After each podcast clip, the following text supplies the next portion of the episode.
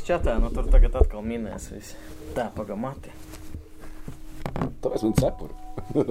Mana tur. domāju, ka es negriezīšu matus un vārdu, kamēr mēs trešā līgā nebūsim izlidojuši. Es arī negriezīšu bārdu. Tā es staigāju, tad tas matēts un vārdēts visu gadu. Mē- Mums svētdien ir, eh, es nezinu, Champions League fināls. No. Aiziet. Labas vakaras, ponai ir eh, ponios. Aš truputį pakalbėsiu lietuviškai. Šiandien su mumis yra Paulius Jakelis, eh, kalbėsim lietuviškai. Eh, Didelis ponas nieko nesupranta.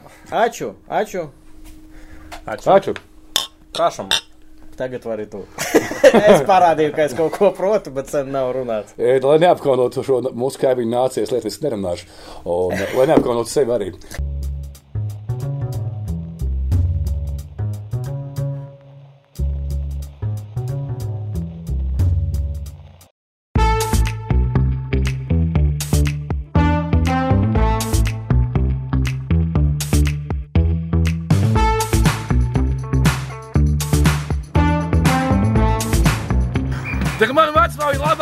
Tas sits neies, ko? Jebkurš no mums var iesist, jebkurš tu nevari.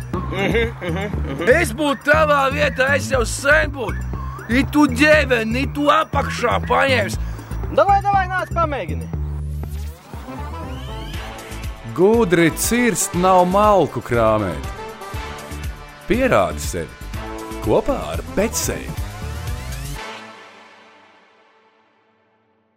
Bet mums viesos ir labs cilvēks. Labs cilvēks. Uh, varbūt uh, Lietuva ir zaudējusi talantīgu flautistu. Uh, bet mums ciemos ir uh, sporta komentētājs, uh, futbola un basketbola darbonis.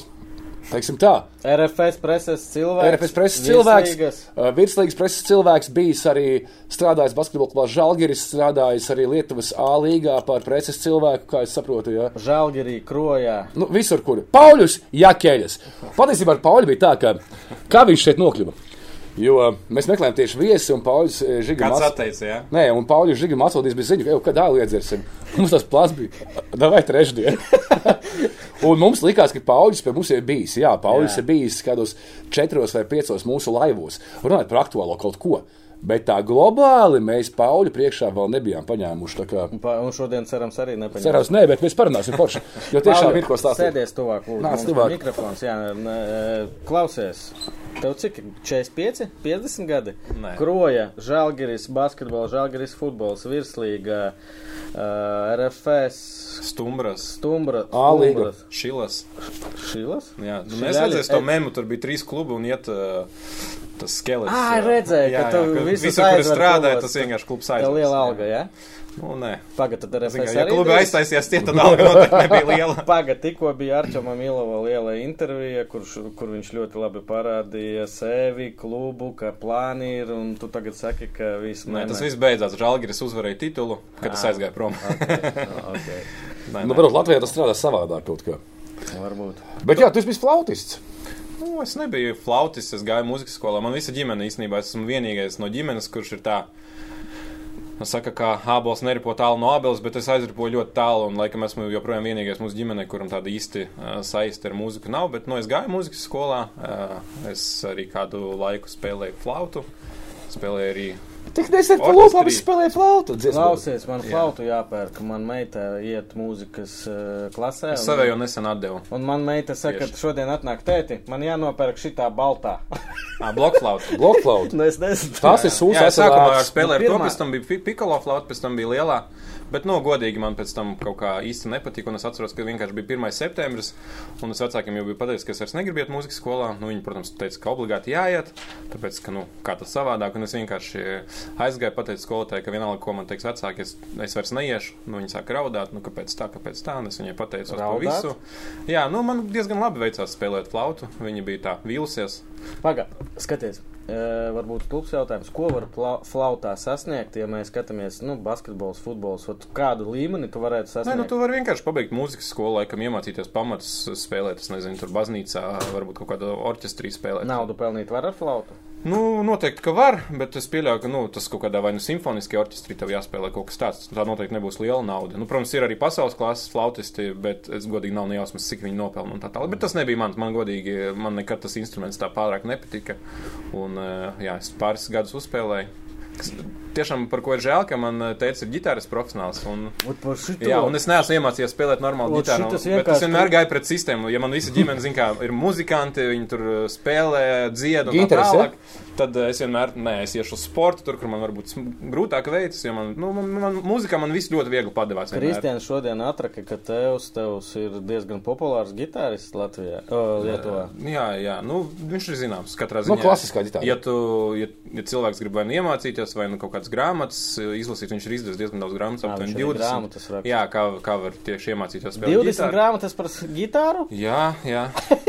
Ko tur var tik daudz Es, rakstīt? kad, eh, kad mēs pārcēlāmies uz dzīvi Latvijā, tad pirmais biznesa vecākiem arī bija mūzikas preču veikali. Tieši mm. pārsvarā ģitāras tur bija. Tā kā jā, man visa ģimene arī joprojām dzied, eh, muzicē, eh, kāds māsa, māsa diezgan labā korī dzied un, un tā tālāk. Tā kā visa ģimene ir pilnībā ar mūziku un es tādā savā burbulī, un kad mēs satiekamies, tad ir A, mūzika, ļoti un dažādi temati. mūzika un sports galvenās atšķirības vispār. Nu, Nu, viss atšķiras. Viss? Mūzikā man liekas, cilvēki ir tādi nedaudz savādāki. Sportā tā konkurence ir kaut kāda lamu vārdi. Nu, vismaz es, kad spēlēju basketbolu, tas bija tā, ka es tā kā no sava mājas burbuļa, kur visi tādi nu, labsirdīgi viens otram smaida un tā tālāk. Tas ir basketbola laukumā, kur kāds kādu pasūta, kāds varbūt var kādam pamuti iedot, katrs grib savas minūtes un tā tālāk. Man vienmēr bija tas azarts, adrenalīns, un to es mūzikā nekad nevarēju saņemt. Jā, es es, es tiešām es- nožēloju. Tagad, kad es padomāju, es principā es varētu izvēlēties vienu profesiju, es gribētu būt DJs. tur mamūti var dabūt. Nē, bet es iedomājos, jā. Par sliktu. Pārcelt pārcelt- pārcelt sportu, piemēram, uz, simfonisko orķestri, kad tu ej garām ar savu flautu, un šelistam saka, to mamma rīt nomirs, nezinu tālāk. Nu, wow. Es to nevaru Tu iedomāties. atkal tagad Tas, pacelot Latvijas futbola problēmu. Nē, tas ir melnais humors vienkārši. Kam on, tā ir mēmē jau. Uh, Kā īsumā mēs tevi pazīstam, tu daudz arī mūsu sekotāji tevi zina, uh, izskrien cauri, kas no, kas no kurienes, kā iedodam to kādu to impulsu. Tātad tu esi lietuvietis, Jā. bet tu... Latvietis. Latvietis. Kas tu esi? Uh, Esmu Lietuvais, man ar Latviju nav nekādas radnieciskās saites, absolūti nekādas. Neviens rāds man nav pilnīgi nekas. Man bija seši gadi, vecāki pārcēlās uz Latviju dzīvot, un nu, es kā bērns, protams, kopā ar Kāpēc viņi viņiem. pārcēlās? Nu, Viņi pārcēlās, jo bija problēmas ar biznesu Lietuvā, bija tie smagie laiki, rekets un tā tālāk. Un, 90. principā, jā, jā, un tad mēs, teiksim, ģimene diezgan daudz pazaudēja visu Lietuvu un uh, saprata, ka varbūt jābūvē kaut kur dzīve no jauna, un tā mēs nokļuvām uh, Lietu, uh, Latvijā. Sākumā tā bija Rīga, man liekas, kādu gadu. Kad man bija seši gadi, tad uh, uz īsu brīdi dzīvojām dubultos. Es atceros vienas tādas dzīvokļus, tur kaudz ar bērniem, jo esmu no piecu bērnu ģimenes un vecākais. Mēs visi pēc diviem gadiem Tu esi vecākais? Jā, jā. Un, uh, jā, mēs dzīvojām vienas tādas dzīvokļus, un pēc tam mēs pārcēlāmies uz Kauguros, un tur kādus astoņus gadus nodzīvojām. Nu, tur es arī gāju skolu, Latvijas skolā. Mm. Es, gan, man liekas, četras skolas kopā nomainīju Latvijā, bet uh, jebkurā gadījumā tas bija Latvijas skolas, un tā līdz 16 gadiem mēs No dzīvojām. mājās runājāt lietuviski. Mājās lietuviski, skolā latviski, un, uh, piemēram, māja, kurā es dzīvoju Kauguros, kurā mēs dzīvojam Kauguros. Tur visi runāja krieviski. Līdz ar to es iemācījos arī krievu valodu, jo kaimiņi, Kauguri. draugi, viņi visi runāja krieviski. un Tā sanāca, ka ikdienā tur runā trijās valodās. Tas bija Ansis. Viņš no Kauguriem? Jā, Nē, no ķemeriem. À, okay, viņš No kaut kuriem vienkārši dzied tur kaut ko. Nē, Klā, bet, eh, okay, bet kā tu jūties tagad? Eh, Tu jūties kā latvietis vai lietuvietis? Nu, Lietuvā man daudz sauc par latviešu, un, uh, Nu, es tevi saucu par Jā, un, un Latvijā par lietuviešu. tā kā, Bet man liekas, ka es esmu tāds. Es sevi uzskatu, protams, par lietuviešu bez jebkādiem jautājumiem, bet Latvija man ir tā otrā valsts, kur es nu, daudz laika esmu pavadījis, kas man ir ā, ļoti nozīmīga loma spēlē manā dzīvē, un es arī daļai laikam sirdī kaut kur sevi uzskatu arī par latviešu. Kaut kur dziļi, protams, ka lietuvietis pirmajā vietā, bet ā, nu, Latvija man arī ir ļoti svarīga. Jā, valsts. nē, tiekam Latviju pirmā tā teica citi. jā. Eh, bet, eh, bet, bet, tu domā, Balsot es nevaru. bet, bet kā tu, kādā valodā tu domā? Uh, tagad, O, oh, laikam, es jautājums. domāju, jā. Bija laiks, kad es dzīvoju Latvijā, godīgi es domāju, latviešu. Es atceros, ka es pārcēlos uz Lietuvu un, un bija vienkārši tas sapņu, un es saprotu, ka man ir latviešu sapņi. Un, un, bet uh, tagad, nē, tagad pir, pirmā valoda man galvā noteikti ir lietuviešu. Okay. Latviski sapņi. O- Kas ir latviski sapņi? Latvijas sapņi, zirni, speķis. O, nē, Un lai citiem ir sliktāk nekā tev. Bet eh, es vēl vienu atradu tādu faktiņu, kad eh, tu, kad mācījies skolā, tevi esot saukuši par žālgiri. Jā, Latvijā. tā bija mana iesauka. Tas, principā, tas ir vienādības zīme. Ja? Lietuva, žālgiris. Uh, Varbūt ne īsti tā. Es tiešām, kad es augu, basketbols bija tas pirmais sporta veids. Es arī pats spēlēju basketbolu, skatījos basketbolu un godīgi līdz 2004. gadam par futbolu man vispār nekāda sajāga nebija. Uh, absolūti nekāda, izņemot to, ka es varēju sētā ar draugiem uzspēlēt un, un, un spērt bumbu vārtos. Bet, uh, Vienkārši žēlgris. Es esmu dzimis Kaunijā. Es jau uzskatīju, par, lai gan es dzīvoju Latvijā, es uzskatīju, ka es tomēr esmu no Kaunas. Kaunas lepnums ir žēlgris. Man ļoti patīk basketbols. Man vienmēr sapnis bija spēlēt tajā klubā, pārstāvēt tā klubu krāsas. Un, jā, es krāju naudu, lai es varētu nopirkt kluba krēklu, varētu nopirkt skolu kaut kādus lineālus ar žēlgiri emblēmu un tā tālāk. Un, tas man bija tāds, tā ļoti svarīga lieta, un es arī uz basketbola treniņiem gāju visu laiku ar vienu krēklu. Tas bija krēkls, žēlgira krēkls ar uzrakstu sabonis, kuras, man liekas, dabūju vienā no dzimšanas dienām. Man iespējams, kaut kāda 14. dzimšanas diena bija. Man vecāki norganizēja, tad tobrīd ar Kaunis žēlgira bija iespēja, ka, ja tev ir dzimšanas diena, tu vari organizēt spēles laikā, kas ir, piemēram, Baltijas basketbola līgas Jā. spēles laikā ka tevi sveic. Tas nozīmē, ka, tā, ka taviem vecākiem pa lielam nekas nav jāmaksā, tikai jānopērk laikam kūka un jānopērk biļetes uz spēli. Tu saņem atsevišķu istabu, un tad, kad komandas nāk laukumā un cilvēks pa mikrofonu arī stāda priekšā spēlētājs, viņš pasaka, šodien savu tur to un to dzimšanas dienu svin tas un tas, nu, piemēram, Pauļus Jāķēlis, un es arī izskrienu laukumā, visiem iedodu pieci, tad komandas kapteinis man pasniedz maisiņu ar kaut kādu dāvanu, tajā maisiņā Maisiņā bija tieši Žalgara krekls, ar kuriem es pēc tam visu laiku trenējos.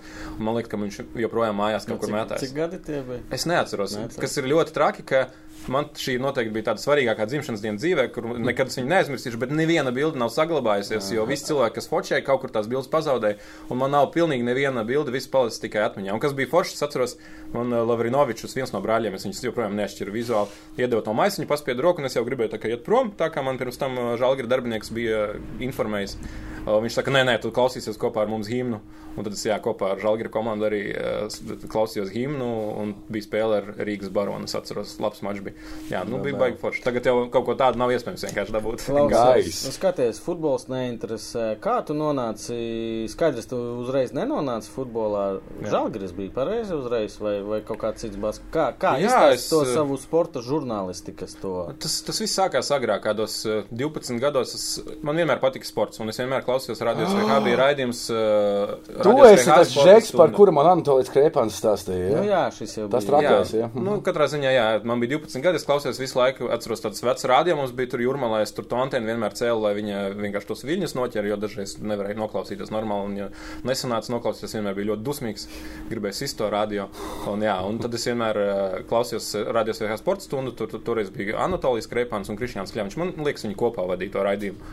Es visu laiku klausījos, un uh, viņi vienmēr ir teicis, jums kaut kādi jautājumi, vai, vai kaut, kaut ko gribat tur mums uzrakstīt, sazinieties draugiem LV.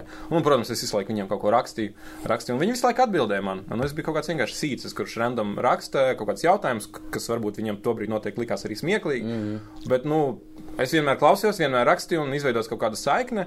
Un uh, arī Anatolijam kaut kādus jautājumus prasīju, kā varētu kļūt par sporta žurnālistu, par komentētāju. Nu, un beig beigās mēs ar viņu iepazināmies, jo viņš brauc uz uh, Jurmālas. Uh, Tobrīd tas nebija Spartaks, vienkārši uh, Vienkārši Jūrmala, bija komanda. Jā, Jūrmala, Es vienmēr gāju uz komandas spēlēm. Bija arī situācijas, kad man vienkārši nebija tur tie 20 centimetri biļetē, es kāpu uz kalnu un aiz žoga skatījos un vienmēr apskautu tos, kas var tikt iekšā stadionā. Bet katrā ziņā Anatolijas uh, bija tas cilvēks, kas vienmēr man atbildēja.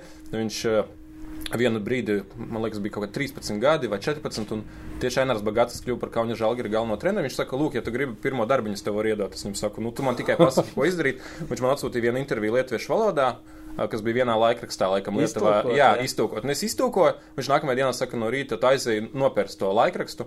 Un uh, es atceros, man liekas, tas vai vakara ziņas kaut kas tāds bija. Es nopirku par savām tur pēdējām, pēdējām kapekām, kas man tur bija iekrāts. Un otrajā pusē tur bija tieši uh, milzīga intervija ar Bagātski pa visu to pēdējo lapu. Un tur uh, viņš tādiem milzīgiem burtiem izcēla no lietuviešu valodas tūkoja Pauļus Jāķels. Un man tas bija tāds, wow, man tas, tā, tā emocija, es nezinu, man, ja tagad man, viss. jā, ja man tagad kāds uzdāvinātu jaunu mašīnu, man nebūtu tādas emocijas, kādas man bija tobrīd. Cik tev gadi tajā? tajā Es neatceros 13, 14. Un kopš tā laika viņš man ir, man liekas, arī es, es e-sportā biju pieredzējis, visu laiku tur spamoju pie visiem uh, sporta rakstiem. Kas tev bija, Kaut Figņas rakstīja pilnīgākās, un, uh, nu, beigās viņi arī man uzrakstīja, varbūt tu gribi vienkārši rakstīt par sportu. Kāds tev niks bija prasa?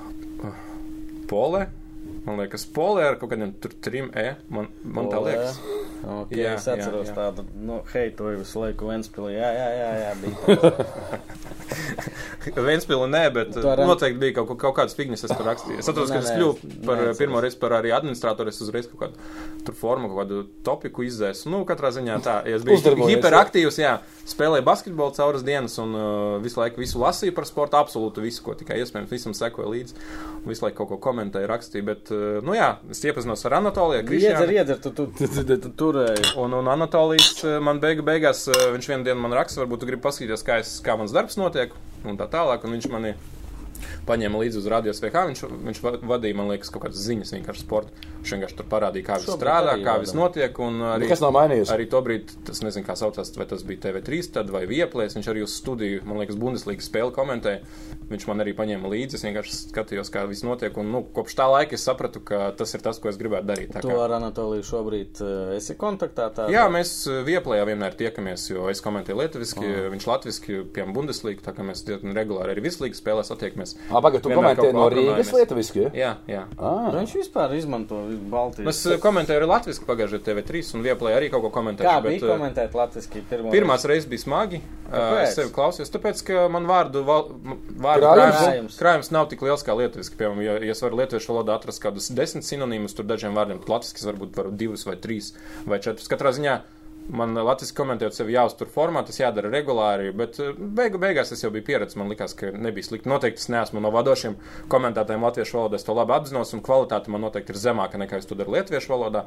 Man liekas, ka kopumā ir ok. Un, Bet, uh, ko vieglāk tev komentēt? Uh, basketbolu vai futbolu? Mm, pilnīgi vienalga, godīgi. Nav, nav atšķirības. Ā, latviski. Laikam, ka vispār, principā, basketbolu ir vieglāk komentēt, jo tur vienkārši vairāk notikumu un mazāk. Tur nekad nebūs tā, ka pusstundu bumba ir laukuma centrā un nekas nenotiek.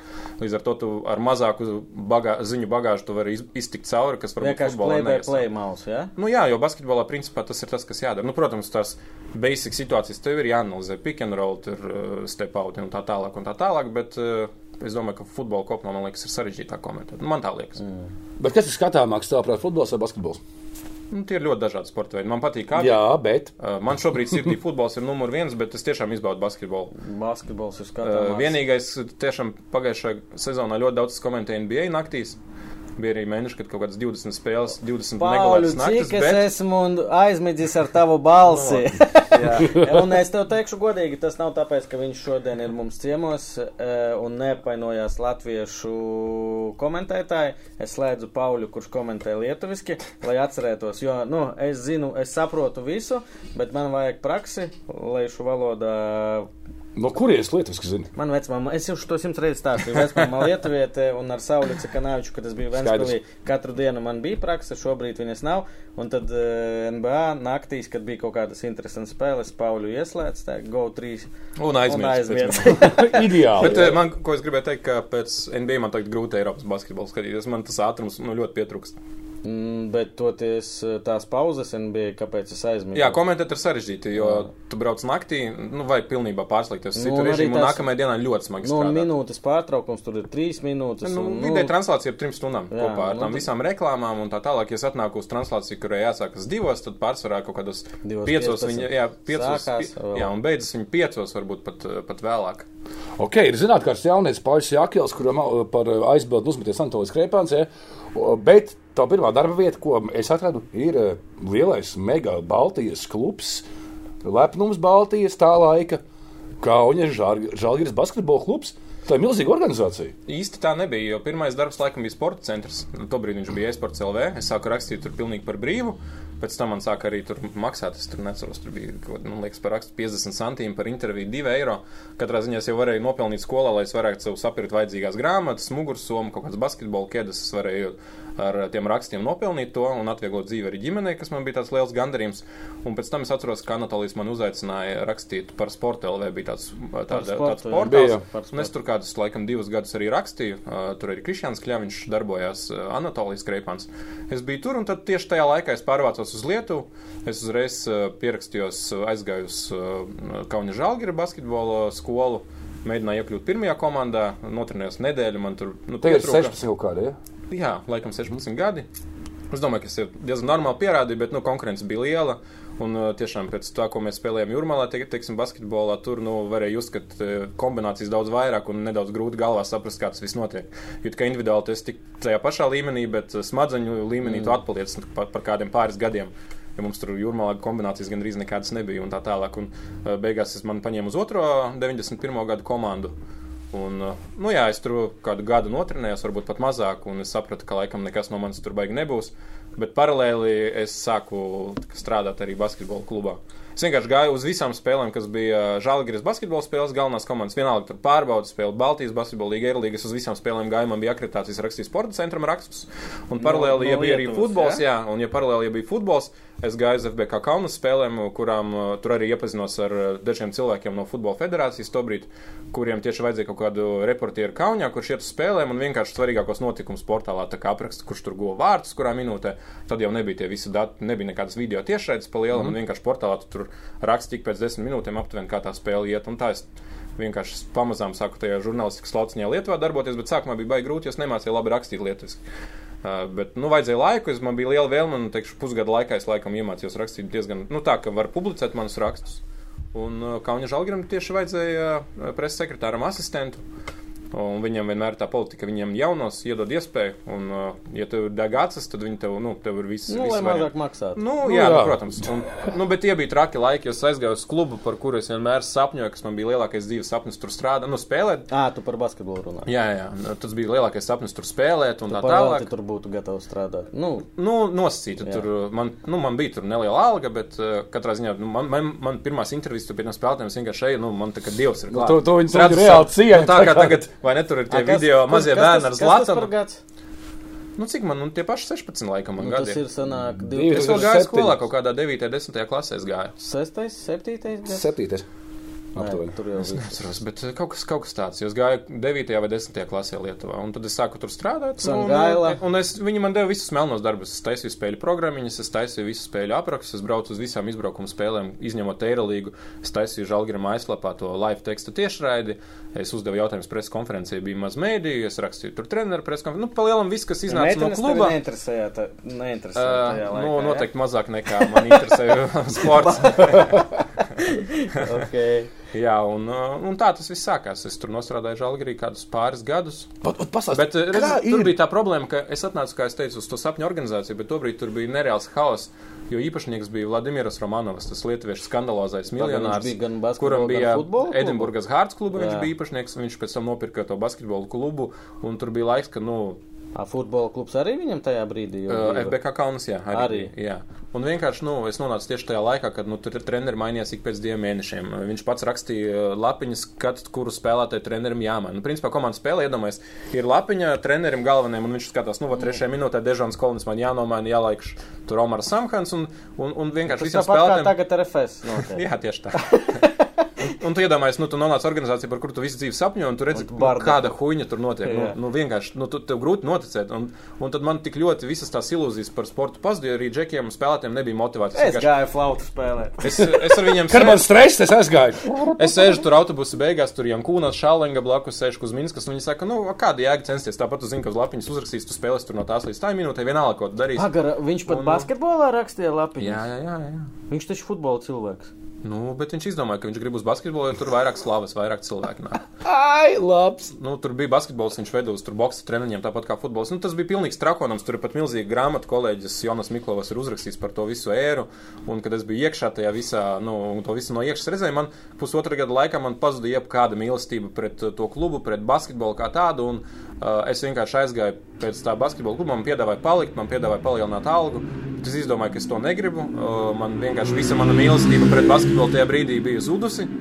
Un uh, es aizgāju strādāt uz maziņa ciemata komandu futbolā, un es kādu gadu godīgi nevarēju nevienu basketbolu spēli skatīties, jo vienkārši skatoties man uh, tās visas emocijas, es vienkārši atceros tos visus murgus, kas bija kluba virtuvē iekšā, uh, kam es izgāju cauri, un es tā kā, nu, vienkārši man vajadzēja laiku attīrīt galvu, lai es atkal iemīlētu basketbolu. Tagad man atkal basketbols ļoti Bet patīk. tu Žalgrī ar Marjanoviču pastrādāji. Jā, viņš starp citu autobusā visu laiku sēdēja uz manis.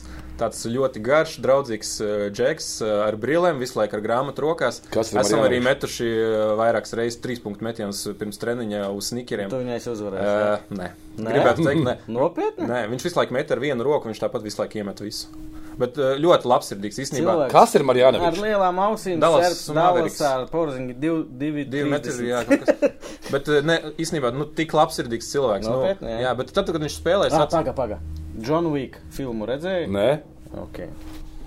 Viņu, viņu tur nosita. Bet, bet viņš tur atnāca, es atceros. ah, zinu, ko tas mil, milzīgs, milzīgs, Jā, milzīgs. jā. Kluba ārsts tur bija tik dusmīgs. Viņš saka, nu, priekš kā mēs ņemam to spēlētājs, kas tur salūzuši. Tas Marjanovičs pēc gada beigas karjeras, viņš pat pastaigāt nevarēs ratiņkrēslā braukt. Es atceros visu laiku ārstā runāju, nu, un paskat, kur tagad ir Marjanovičs. Tā kā, bet ļoti, ļoti labs. Viens no īstenībā tādiem sirsnīgākiem uh, basketbolistiem, Tad- ko tajā īsajā karjerā basketbolā Tad strādājot. tas, esmu ko tagad var redzēt tajos sociālos tīklos par viņu, tas Viņš nav, tāds tā, tā, nav tāds Viņš uzbūvēts. tāds kā bija, sociālos bieži.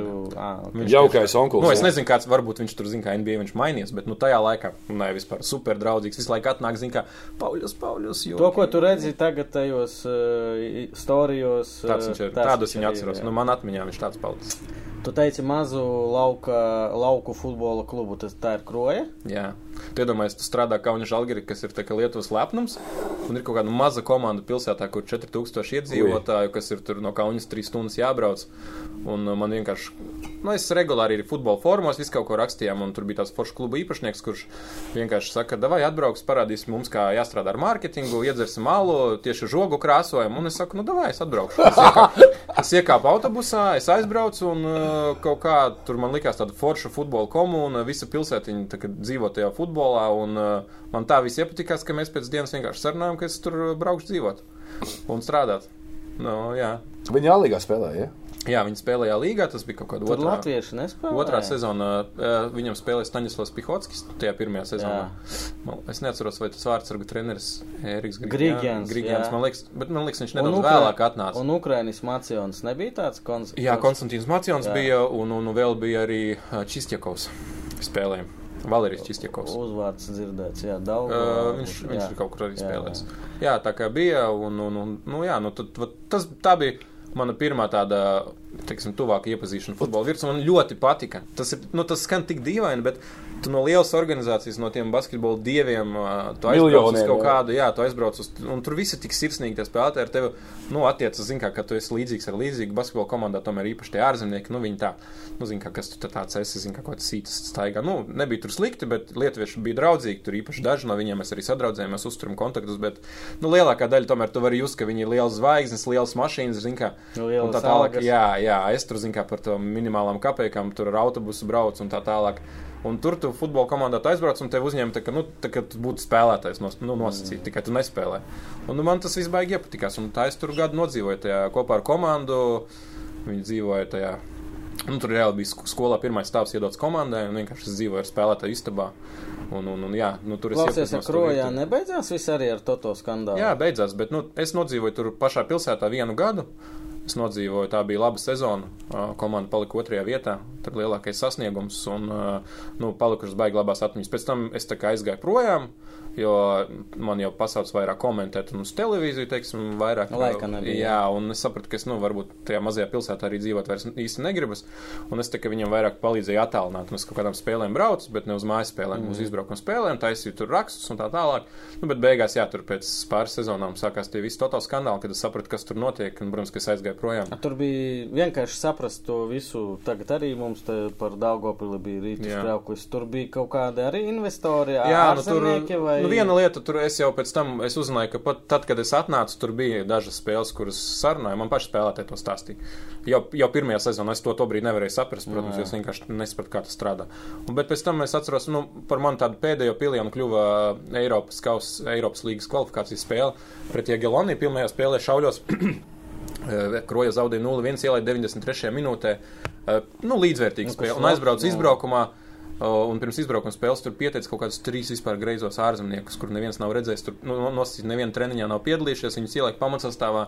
Mēs zaudējām 0-8 autobusā. Visi laimīgi, visi svin. Un es sapratu, ka nu, kaut, kas, kaut kas tur nav, nav ok līdz galam. Un, nu, jā, protams, ka es tad pateicu, ka sorry. Bet es, un, un, un drīz vien pēc šī tā arī komanda nepalika. Tad pēkšņi at, atlidoja treneris laikam no Malaizijas, uh, kurš jau bija, kad viņi ievada vārdu, tur uzvārdu Uzreiz uzreiz, uzreiz jā, kaut kā tur fixed matches in Malaysia. Un viņš at- viņš laikam novadīja tikai divas spēles. Uh, vienu no tām spēlēm es komentēju, nu, un tur ir sūdu arī tāds leģendārs cirks. Vienkārši, un tu skaties, un tu saproti, ka nu, nav iespējams tik slikti spēlēt, es tur labāk izskatītos laukumā.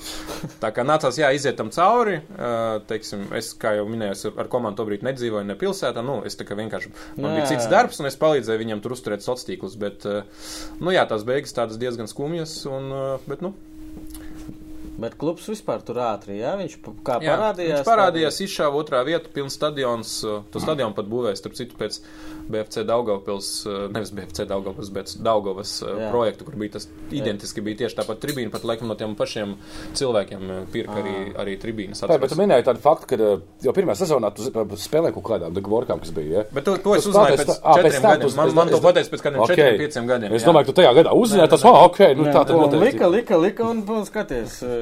Ai, vēl Kristaps Zēlma arī spēlēja krojā, man liekas, pirmajā sezonā. Tā kā bija latviešu daudz. Bet kā- kā, Kāda? tas labi, kā reiz par Toto. Jā, Bet kā- kāda? Sveiks, Kristap. Uh, Kāda ir? Nē, nē, pirmajā sezonā tur viss bija forši. Zin, kā otrā vieta, kur komanda izcīnīja, tur nereāli labs kolektīvs, bet nu, pēc tam sākās aizgāja treneris un, un, un tur. Bet, bet kā piemēram Lietuvā, tu minēji, super maza pilsēta, nu nevis super maza, bet 4000 iedzīvotāji. Ja? Ciemats. Ir tā komanda pirms gadiem Lietuvā. Ja? Tajā laikā nu, Latvijā nebija futbols, nu, Lietuvā godīgi sakot, nu, tādā, tādās lielās līnijās.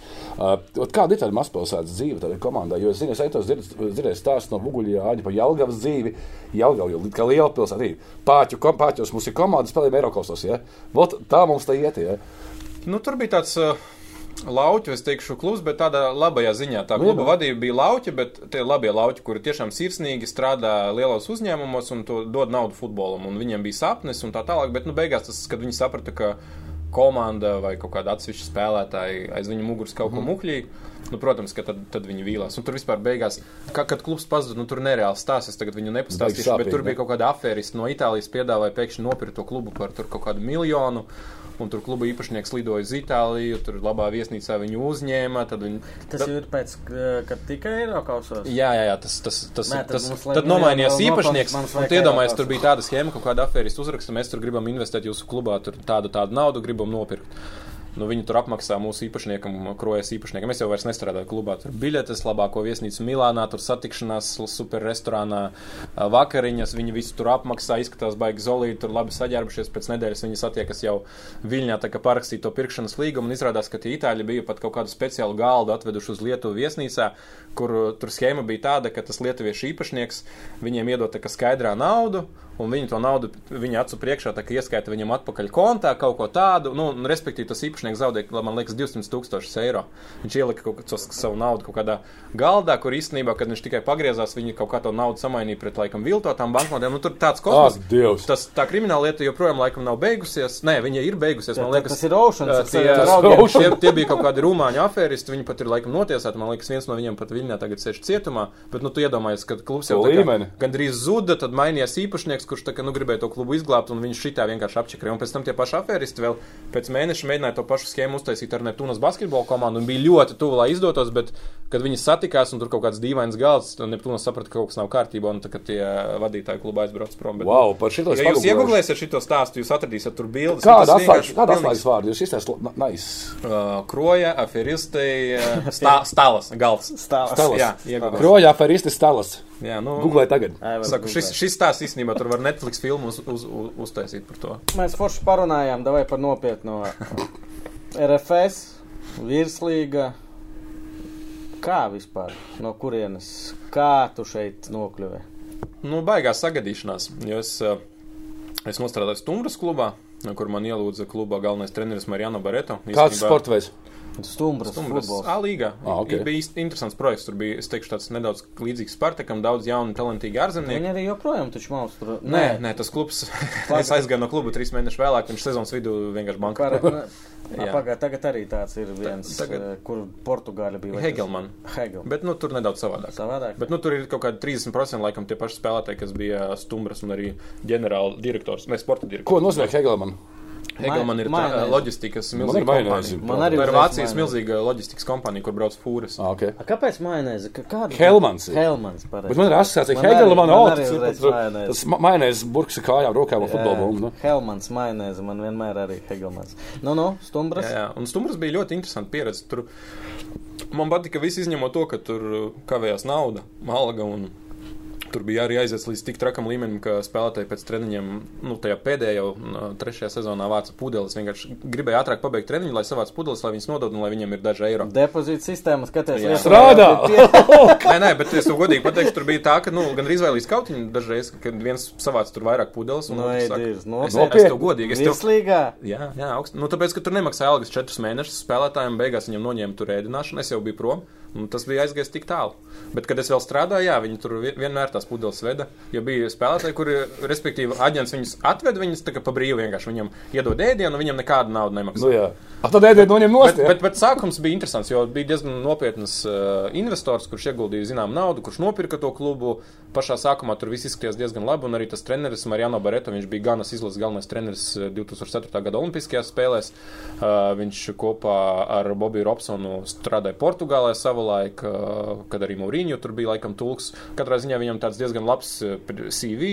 Viņš spēlēs arī, nevis spēlēs, bet trenēs tuvu austrumu vairākus klubus, un mēs ar viņu diezgan labi sadraudzējāmies. un Man tajā klubā vismaz pirmo pusotru gadu patika strādāt. Tiešām, jo bija daudz ļoti talantīgi spēlētāji, kas bija atvesti, kuri arī vēlāk aizbrauca uz tādām lielākām Ok. okay. komandām spēlēt. Un tā bija tāda deva? laba, laba pieredze. Tie bija īru, īru investori. Jā, Ā, īru investori. Jā, viņi to klubu nopirka, viņi sākumā ieguldīja diezgan lielu naudu, bet tur mērķis bija kā paņemt un pārdot spēlētājus. Un viņiem sākumā likās, ka tas būs daudz vieglāk. Bet reāli pa to visu laiku, kamēr es tur strādāju, izdevās vienu jaunu lietu vietu pārdot par 300 tūkstošiem uz Līles klubu Francijā. Kur- kur?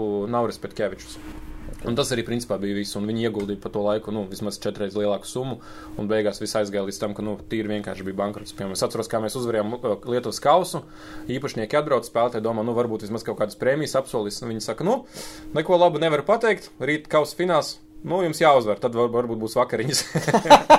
nu, vakariņas bija. Bet, eh, nu, jā, arī tāda, zināmā mērā, no vienas puses interesanta pieredze, jo man ļoti patika, ka tas treneris man pilnībā uzticējās. Piemēram, kad sezona noslēdzās, tad viņš eh, mums bija tāds, mums pat nebija īsts oficiāls, bet bija vienkārši viena kafejnīca, nu, kaut kas kā kofeīns, uh, kur vienkārši viņš katru dienu tur vis, nāca strādāt un, un darīja visādas kluba lietas. Un es biju tā, viņa tāda labā roka, viņš man vienmēr uzticējās, un, piemēram, kad spēlētāji nāca runāt par līguma pagarinājumiem un tā tālāk, viņš vienmēr gribēja, lai es esmu klāt. Un tā bija laba skola, saprast, Pieredze, jā. jā, kā, kā notiek sarunas ar spēlētājiem. Es vienkārši visur biju klāt, un es absolūti visu zināju, kas klubā notiek. Izņemot tur eh, beigās kaut kādas līguma lietas. maksāja? Līguma lietas, un tā, nē, par kafiju viņš maksāja. Tā kā, bet īstenībā ļoti labs cilvēks, nu, bet reāli, reāli beigās viņu arī apčakarēja. Pirms Tomēr tu viņš... tagad sāksi stāstīt par sakritību un kā tu nokļuvi RFS un virslīgā. eh, Man tagad radās jautājums, skaties, eh, Žalgirī, tu esi vīlies, nu, Basketbolā, jā. basketbolā. Uh, kroja viss beidzās sūdīgi. Nu, bet sākums tās emocijas, tas pirmais gads. ok, tā otrā sākums, jā, bet beigās Nu, jā. stumbras arī nemaksātas algas. Jā, jā. Nu, tiešām joprojām negribās spēlēt flautu vai nodarboties ar Nu, redzēs, to, visu to laiku es paralēli komentēju. Es jau biju kļuvis par komentētāju. Un, teiksim, mans galvenais ieņēmuma avots jau bija komentēšana, dažādi sižeti un tā tālāk. Līdz ar to es nebiju tā kā atkarīgs. Jo kroja bija kā papildus darbs, kas man sastādīja varbūt 20% ienākumu. Es tur par tām kapekām strādāju tikai tādēļ, ka man tas klubs tā bija nu, tāds dārgs. Mm. Man viņš daudz nozīmē, un es vienkārši gribēju viņam palīdzēt reāli. Es ļoti daudz esmu lietas darījis. Nevis naudas dēļ, bet tikai tādēļ, ka man patīk kādam cilvēkam ideja, vai kad es redzu, ka cilvēks dara kādas labas lietas futbolā, un man vienkārši gribas viņam palīdzēt. Bet, uh, teiksim, galvenais ieņēmuma avots man jau kādu Ok. okay. laiku bija komentēšana. Par Līdz ar to es pārāk neiespēju. Par sakritību. Nu, es strādāju Viļņa Žalgiris, pēc stumbras man uzreiz pacēlts Viļņa Žalgiris. Jā. Futbols. jā, futbols. Un Es, protams, daudz biju dzirdējis par uh, kluba prezidentu Vilmu, un īsti tur man nebija. Pagaid, pagaid, stop, stop, Nu, stop. davai, es zinu, izstāsti skatītājiem. Kas ir fucking Vilma? Pagaid, tā nesaki. Tā nesaka, jo viņa noteikti to var redzēt. Un, Čau! Dier Vilma! Nu, Kas tu esi? Vilma Venslovaitene ir Žalgira kluba prezidente.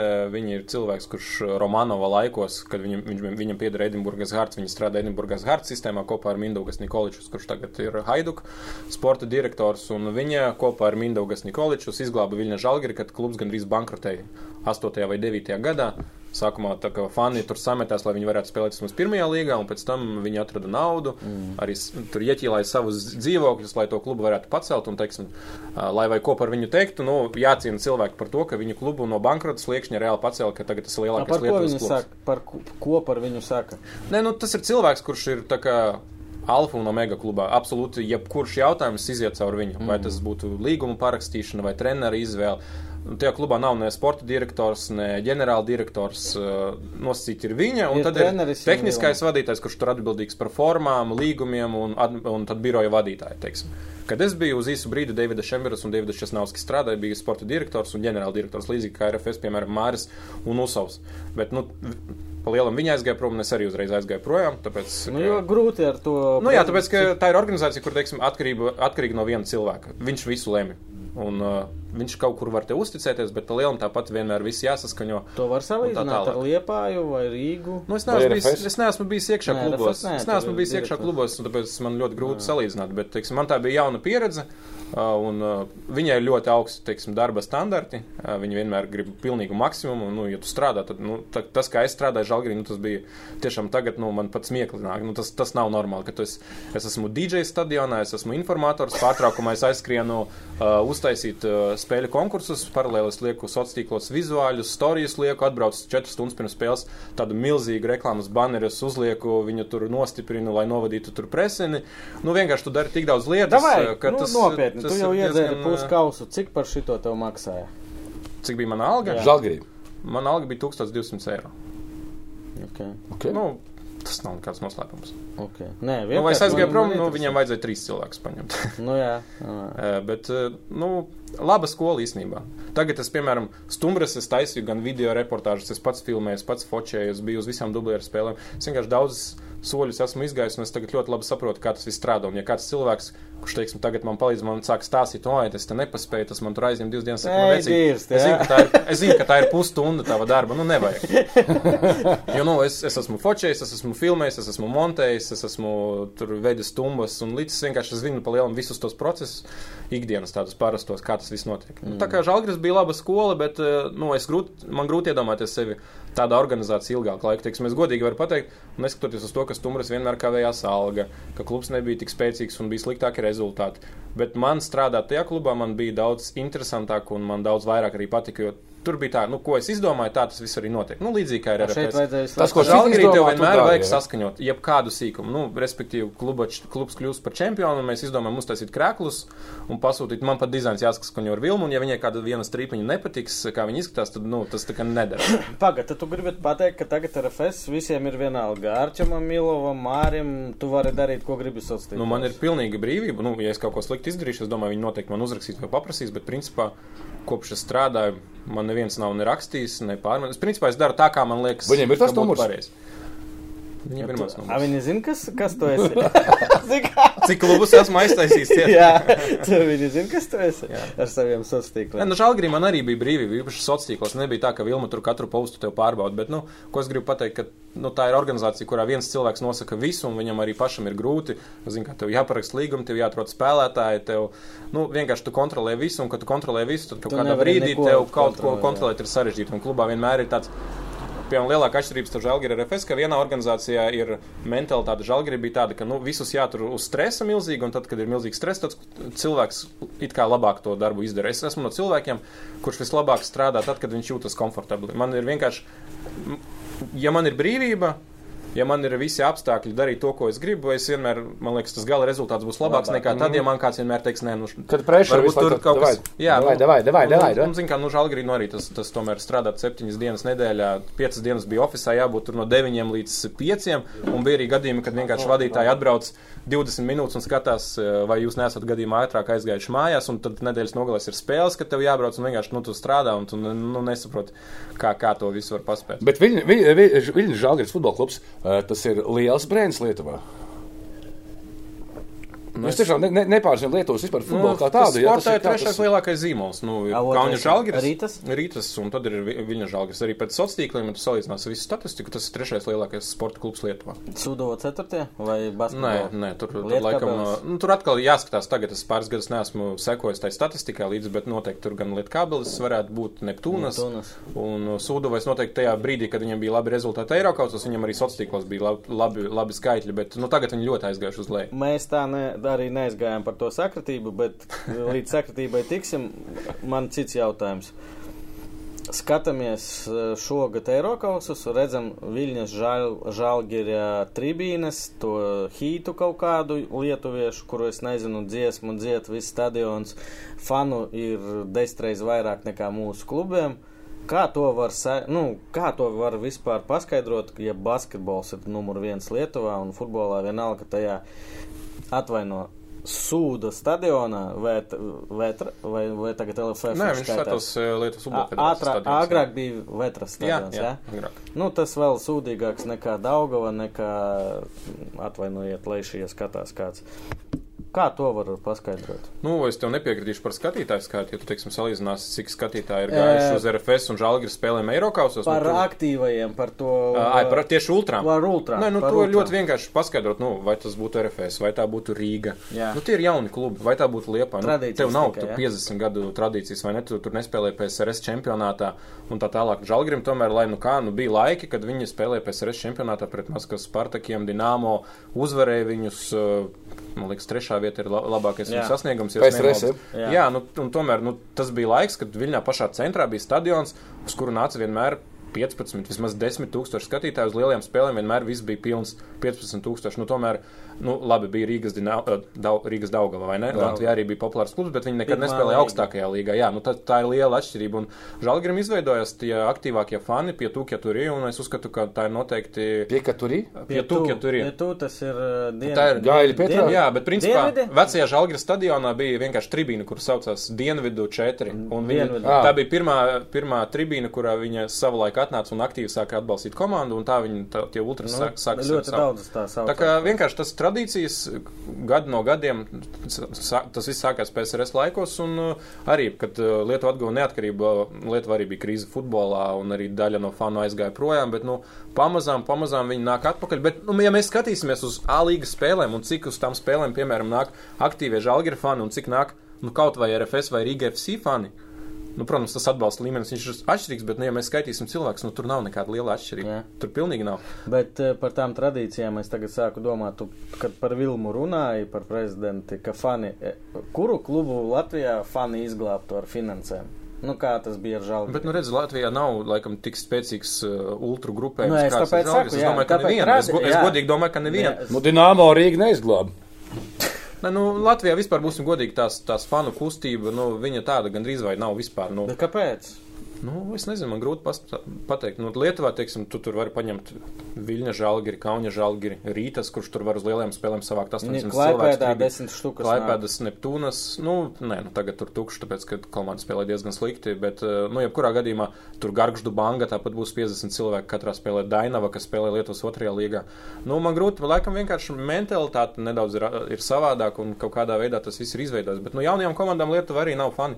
Riterei, nu, iepriekš viņi saucās Trakai. Nav vispār nekādu fanu. Hegelman- Hegelman otrajā vietā Rītas. nekādu fanu nav. Nē, pagār, ko rītas draudzējās? Ar, ar Dainavu. Ar Dainavu. Viņi taču pat kāvās pagājušajā gadā ar, ar viņu žēlgri faniem. Mm.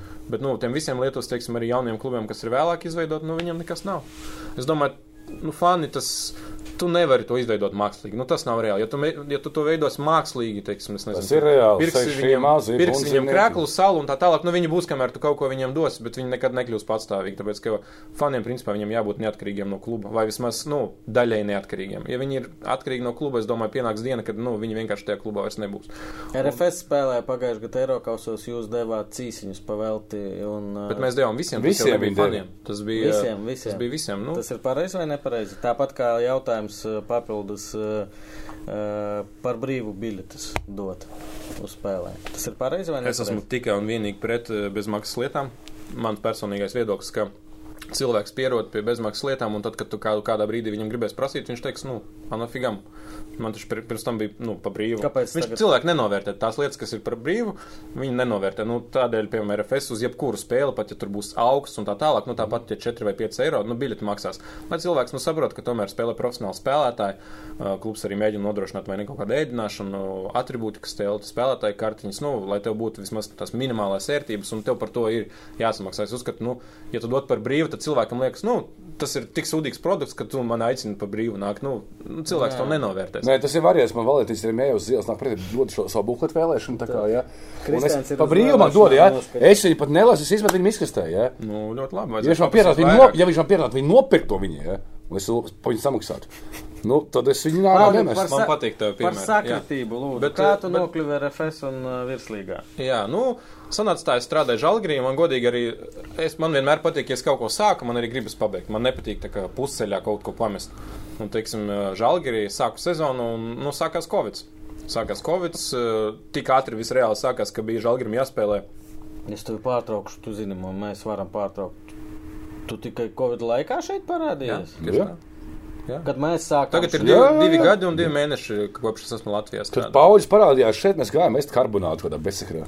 Jā, bet es vēl, tad es vēl nestrādāju. To nestrādāji, Man jā. tikai bija tikšanās par to, ka iespējams es Man strādāju. liekas, ka tu jau biji, kad mēs sākām Nē, raidīt. nē, nē, nē, nē. Ah, ok. Nē, Nē, nē, mēs esam uh, Jā, kaut kur. es, es strādāju Žalgirī, sākās Covid, uh, un, uh, nu jā, vienkārši mēs plānojam spēli pēc divām dienām.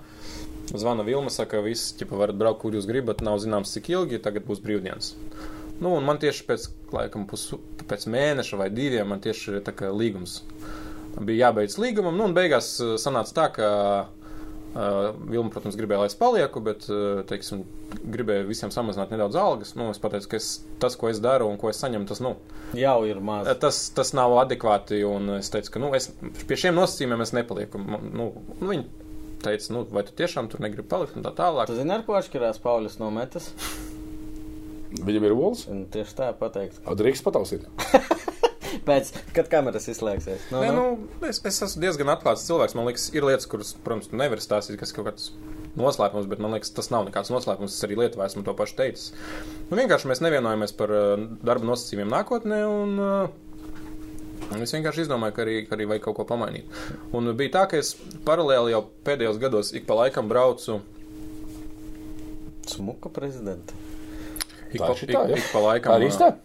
Jā, jā, tā ir vilna. Es biju tāpēc, ka savā Nu, stāstīju. bet tikai es negribu, lai kāds pārprot. Nu, viņi tiešām cilvēks, kurš Nē, nu, nu, jo, jo, ja tu jo. spēj piesaistīt no pašvaldības gandrīz katru gadu miljonu, saņemt nu, visu cieņu tādiem cilvēkiem. Nē, to, ko Kristians grib pateikt, mēs arī nevienu negribam apvainot. Nē, bet tas, ka man tu, likās, nu- ka tā ir tāda sieviete gados, Nu, kas tur kaut kā- Jā, Tas jā. ir cilvēks, kuram arī nu, futbols ir dzīve. Tas, ko viņi ir izdarījuši, visu cieņu. Visu Visu cieņu. cieņu. Es, es noņemu cepuri. Tur var, ir vietas, kur varbūt vīzijas mums atšķiras un Jā. varbūt uh, darba metodas. Pieeja darbam. Pieeja, nu, teiksim, tur gan Česnavskis, gan Čembers arī aizgāja. Principā mēs bijām tāds tā kā viens kolektīvs labs, un es arī sapratu, ka nu, bez viņiem es tā kā negribu īsti strādāt vairāk. Un, uh, jā, nu, visu cieņu viņai. Bet, uh, pagaid, kur mēs palikām? Covid, tu Covids, jā. cilvēks, tu Atklāts, pateici, pateici, ka jā, jā. davaici man naudu vai es eju prom, nu šitā nu, teica. ne- nebija. nebija. Naudu, uh, bet bija tā, ka Valdis bija treneris RFS, un uh, es Valdu ļoti sen pazīstu. Es, Dambrauskas. es tieši strādāju Krojā. Ā, Tikai kādā- valdas tevi šeit Nē, atstāja. es strādāju kādā 11. gadā Krojā, un uh, Lietuvas jauniešu izlasē bija. Bija treniņu nometne uh, pa Krojas pilsētā tieši, un uh, tur es iepazinos tajā 11. gadā laikam ar Valdasu. Kaut kā sadraudzējāmies, vienkārši gāju skatīties, kā, kā tie treniņi tur Kā norisinās mūsu lasu stadionā? Ar valdasu vai valdu? Es, Valdēsu. Es ne, valdēsu. Nē, es, sorry. Nu, ar Valdas varbūt vienkārši. Valdas, Valdas, nu, viss Valdas, Okay, nu. devā, Jā, un uh, nu, tā es ar viņu iepazinos. Un, uh, nu, respektīvi, kad viņš strādāja RFS, es skatījos spēles visas. Un uh, ik pa laikam braucu arī paskatīties klātienē mačus, kad bija iespēja tur pēc tam ar viņu kaut ko parunāties un tā tālāk. Nu, mums labs kontakts katrā ziņā. Es- Man vienmēr likās, ka viņš tiem, no tiem futbola īstiem cilvēkiem, ar kuriem vienmēr ir ļoti interesanti parunāt, pēc katras sarunas tāda sajūta, ka tu pats paliec nedaudz gudrāks. Mm. un, uh, nu jā, bija tā, ka arī Maija Brieda būs jāpiemina, jo bija viena spēle, laikam pret Ventspili. pret Ventspili bija spēle. kur Paga, Ventspils, RFS Maira uzvarēja. Briedi, te viss kopā iet tagad. Valentīns vēl tagad. Nu, jā, es ik pa laikam braucu, paskatījos uz valdes spēlēm, un pēc spēles pret Ventspils, man liekas, Kurš RFS gads? uzvarēja. Es neatceros, 4-1. Bija rezultāts. Nē, es nesaprotu. saka, varbūt vakarā grib uz boksu. Mairs Briedis cīnās. Nu, es neko nezinu par boksu, nezinu, kas tas Briedis. Saku, nu, davai, labprāt. Un es aizgāju tur uz cīņu, un uh, tur sanāca, ka es ar Arķēmu iepazinos. Bet es nezināju, ka viņš. Es vienkārši domāju, ka tas ir kāds cilvēks, kurš organizē to cīņu. Nu, zin kā Arķēms ar to kepiņu, šortiem un tā tālāk. Es tur vienkārši kaut ko valdes ar viņu runā, kaut ko es saprunājos. Man liekas, vienkārši nu, tāds foršs čalis. viņam šitā neuzsiti? Jā, vienkārši foršs čalis. Un, nu, respektīvi, es iepazinos tā ar Arķēmu, bet nu, man tikai vēlāk valdes saka, tu zināji, zināji kas tas par, par cilvēku? Es saku, nu, nē, kaut kāds foršs Čuvaks. cilvēks. Viņš saka, nu, tas taču mans prezidents. es tā pasmējos nopietni. Viņš saka, jā, es saku, nu, nekad nebūtu padomājis. Nu, bet eh, tā iepazinos ar Arķēmu. Pirms tam jau bija iepazinies ar Maksimu, un man valdes vienmēr teica, ja tev kādreiz būs iespēja uh, pastrādāt kopā ar tādu cilvēku kā Maksims, viņš saka, nu, izmanto tas mans ieteikums, ja tev kādreiz dzīvē būs mm -hmm. iespēja, un, nu, es kaut kā tos vārdus iegaumēju, nu, un ar Maksimu mēs bijām pāris reizes satikušies. Tieši arī valdes tā kā iepazīstināja. Vienkārši runājām par futbolu, par to, kā attīstās futbols Lietuvā. Viņš stāstīja, kā attīstās Latvijā, ko viņš plāno. Viņš man likās tāds uh, cilvēks ar ļoti tādu tālu vīziju. Dažreiz liekas, ka tas, ko viņš saka, ir tāds nedaudz sapnis. Nē. Bet uh, nu, daudz no tiem sapņiem piepildās. Un tu arī saproti, ka nu, viņš ir tāds cilvēks, kurš redz pāris soļus uz priekšu. Nu, respektīvi, ar valdes es iepazinos ar Maksimu, iepazinos ar Arķemu. Krivoņēts, ja? Jā, jā, un uh, kad sākās Covid, mēs ik pa laikam ar Maksimu vai nu kaut ko sarakstījāmies, vai, nu, ja es biju Latvijā, vienkārši satikāmies tā, tīri vienkārši aprunāties par futbolu, draudzīgi. Un, uh, Nu, vienkārši sanāca, ka mēs atkal kārtībā reizi kaut ko runājām, un nu, viņš saka, kā tev iet, kā tur darbos. Es saku, aizgāju prom no Žēlgara un tā tālāk. O, viņš saka, vai satiksimies. Man bija piedāvājumi tur no vienas basketbola komandas, un arī no, nu, nav svarīgi, bet, teiksim, basketbolā vairāk diezgan labi piedāvājumi man bija. Bet viņš saka, nu, vai satiksimies, parunāsimies, un viņš saka, nesteidzies tur ar kaut kādiem lēmumiem. Nu, es atbraucu uz Rīgu, satikāmies, un kaut kā, nu, Man ļoti reti gadās, ka ir cilvēki, ar kuriem notiek tāds tā kā klikšķis. Tu vienkārši jūti, ka nu, tik daudz kas kopīgs, un tu uz lietām skaties ar ļoti līdzīgu. Tu esi precējies? Nē, Tiešām reti. Ne, bet Pauļam ir Jā, un, un- un draudzene. un, un, un, un tā sanāca, ka nu, mēs ar viņu parunājāmies un nu, izdomājām, ka braukšu strādāt uz virslīgu. Kas būs, tas būs. Tas bija tāds, nu, reāli iziešana ārpus. ārpus Skaties, uh, tu tagad līdz beigām nesaki. Aha, Es esmu RFS cilvēks. nu, protams. Bet es pajautāšu šo. Tu, viņš sauc tevi virslīgā strādāt. Jā. Bet beigās tu strādā gan virslīgā, gan RFS. Un, Kristian, tavs jautājums? Interešu konflikts. Nu, godīgi teiksim, Lietuvā. Cik es esmu strādājis? Nē, Skaisti. uh, pat ja tagad paskatīsies, nu, Lietuvā, piemēram, nekad nav. Vienkārši tas nu, cilvēks saprot, ka tas sporta lauciņš ir tik specifisks, cik mazs, un tajā arī nav kaut kāda milzīga nauda, ka ļoti daudz cilvēku strādā pa divām pozīcijām. Teiksim, tur, uh, A-līgas prezidents ir arī Riterija kluba prezidents. Iepriekš bija komunikācijas A-līgas vadītājs Sūdavas kluba preses sekretārs. Pirms tam presiniece bija Riterija kluba preses sekretāre. Nu, viss no viņa. Lukas Gintautas, Kaunis Žalgira preses sekretārs un tāpat laikā arī komentētājs un Vilhelmas arī. Nu, teiksim, Lietuvā tas diezgan. Es varbūt saprotu, ka tas, nav, ka tas nav ideālais variants, bet ņemot vērā, cik maz tas ir mārkets, cik daudz tur cilvēku trūkums un tā tālāk, nu, teiksim, vismaz Lietuvā tas tā diezgan, Normāli. diezgan pieņems. Jā, norma. Un, bet eh, Latvijā nē, man bija vienošanās par virslīgu. Es arī pats negribēju iet uz nekādām uzreiz divām vietām, jo plus jau es, es nebūtu nekad pār, pārvācies uz Latviju, man nebūtu iespēja komentēt lietas. Mm. Un pat pēc sarunas ar Maksimu es teicu, ja es paprunāšos ar TV3, ja viņam tehniski ir iespēja, ka es varētu no Latvijas komentēt lietuviski, tad man interesants šis piedāvājums, un es iespējams pārvākšos uz Latviju. Bet es teicu, ka, ja es nevarēšu komentēt no Latvijas, nē, jo man tomēr sirdslieta ir komentēšana. Numur viens. Es aprunājos ar uh, Tomu Circeni no TV3. Viņš teica, ka jā, tāda iespēja varētu būt. Davai. Nu, tad es aprunājos ar Maksimu, un uh, vispirms bija virslīgi, pavisam noteikti.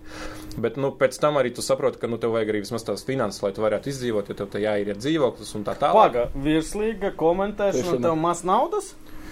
Nu, jā. Lietuvieši, lietuvieši. O, Par to riedzes. par naudu Par iedzer. naudu. Nē, nu, Nu, nu, nu, nē, nu, Jā, nu, summas noteikti nesaukšu, bet uh, nu, tā sanāca, ka virslīgi bija pirmais darbs, un tad pēc tam arī bija opcija par RFS. Klubi nebija pret, klubi zināja to.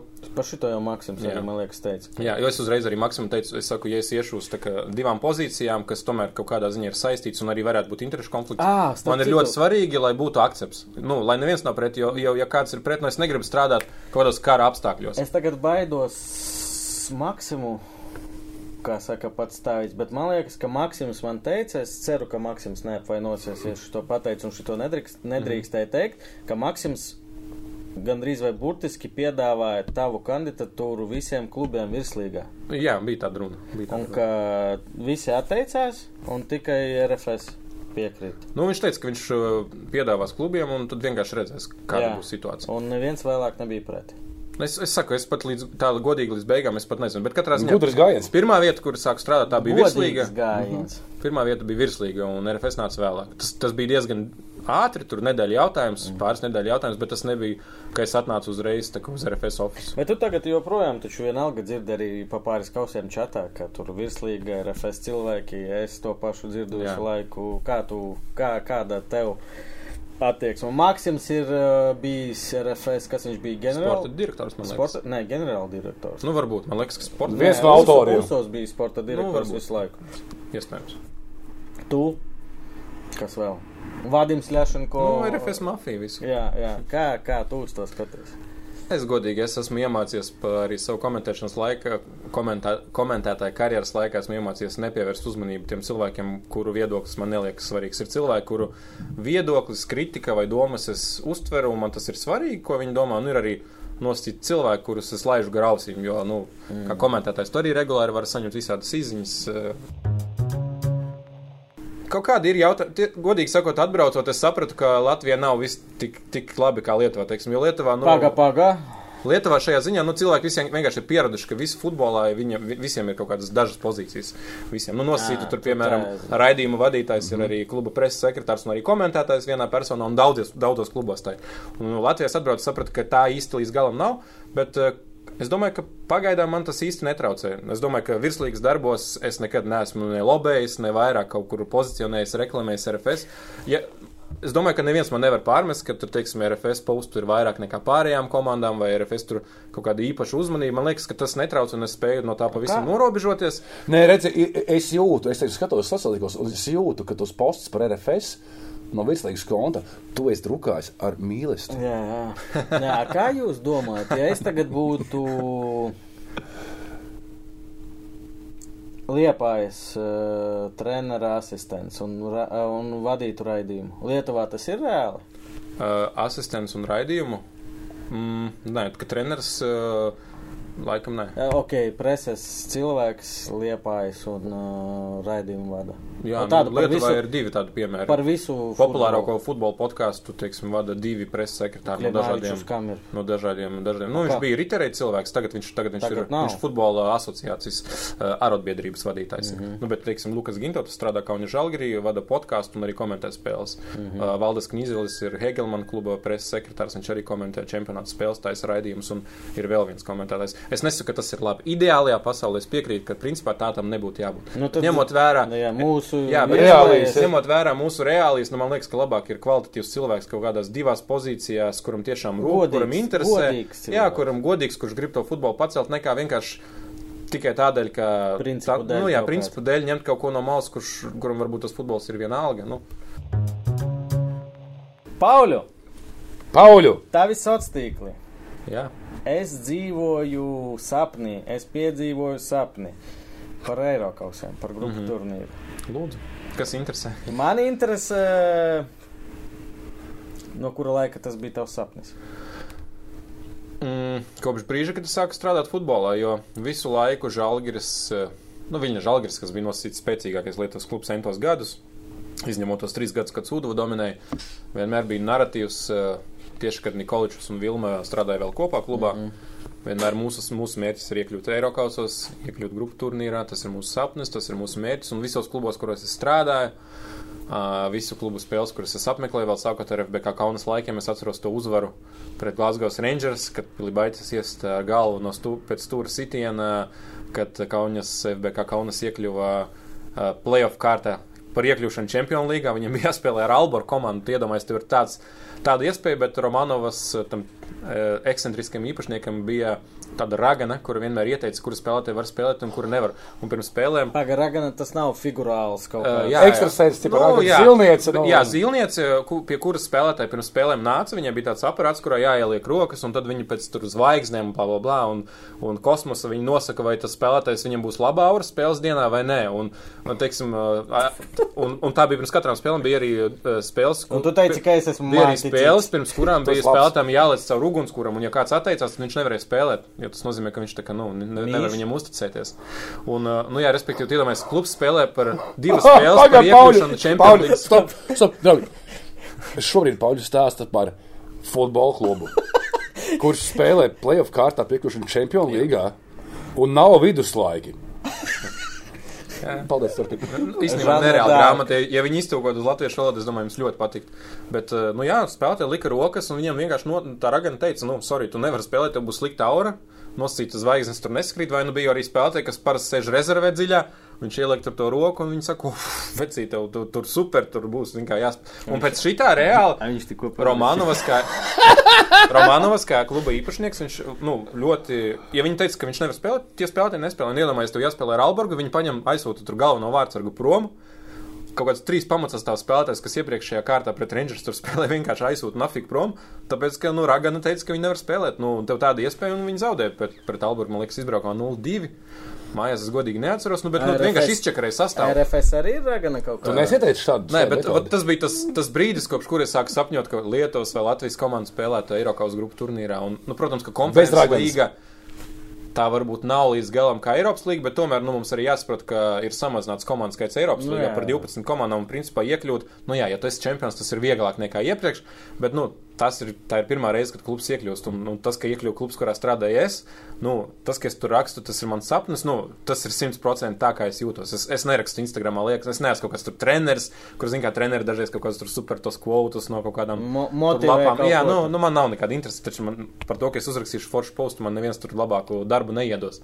Bet, nu, tā es jūtos. Man, man reāli tā iekļūšana un, Nē, nē, un, tev- un kādā veidā izdevās iekļūt, nu, tas ir pilnīgs Nē, nu kosmos. tas vispār. Un vēl tas, ka mēs arī paralēli taisām dokumentālo filmu par to visu. Nu, es domāju, desmit gadus mēs filmētu no vietas dokumentālo filmu, un mums tās scenārijas iekļūšanai nu nebūtu. Bet uh, ar visu to drāmu jūs uh, tagad bez jokiem jūs nedomājat pārdot kādam HBO, Netflixam, jo nu tik drāmas. Es, Malta, es jau, protams, gribētu, bet es uz lietām skatos tā diezgan reāli. Un, ja izdosies iekļūt kādām no Latvijas televīzijas kanāliem, man liekas, ka tas mērķis jau būs sasniegts. Mm. Nu, ja neizdosies, neizdosies, bet es domāju, ka kad mums jau būs pabeigts produkts, kad mums jau būs noteikti sēriju skaits, būs izdarīta montāžas darbi, es domāju, mēs noteikti ar vairākām televīzijām runāsim.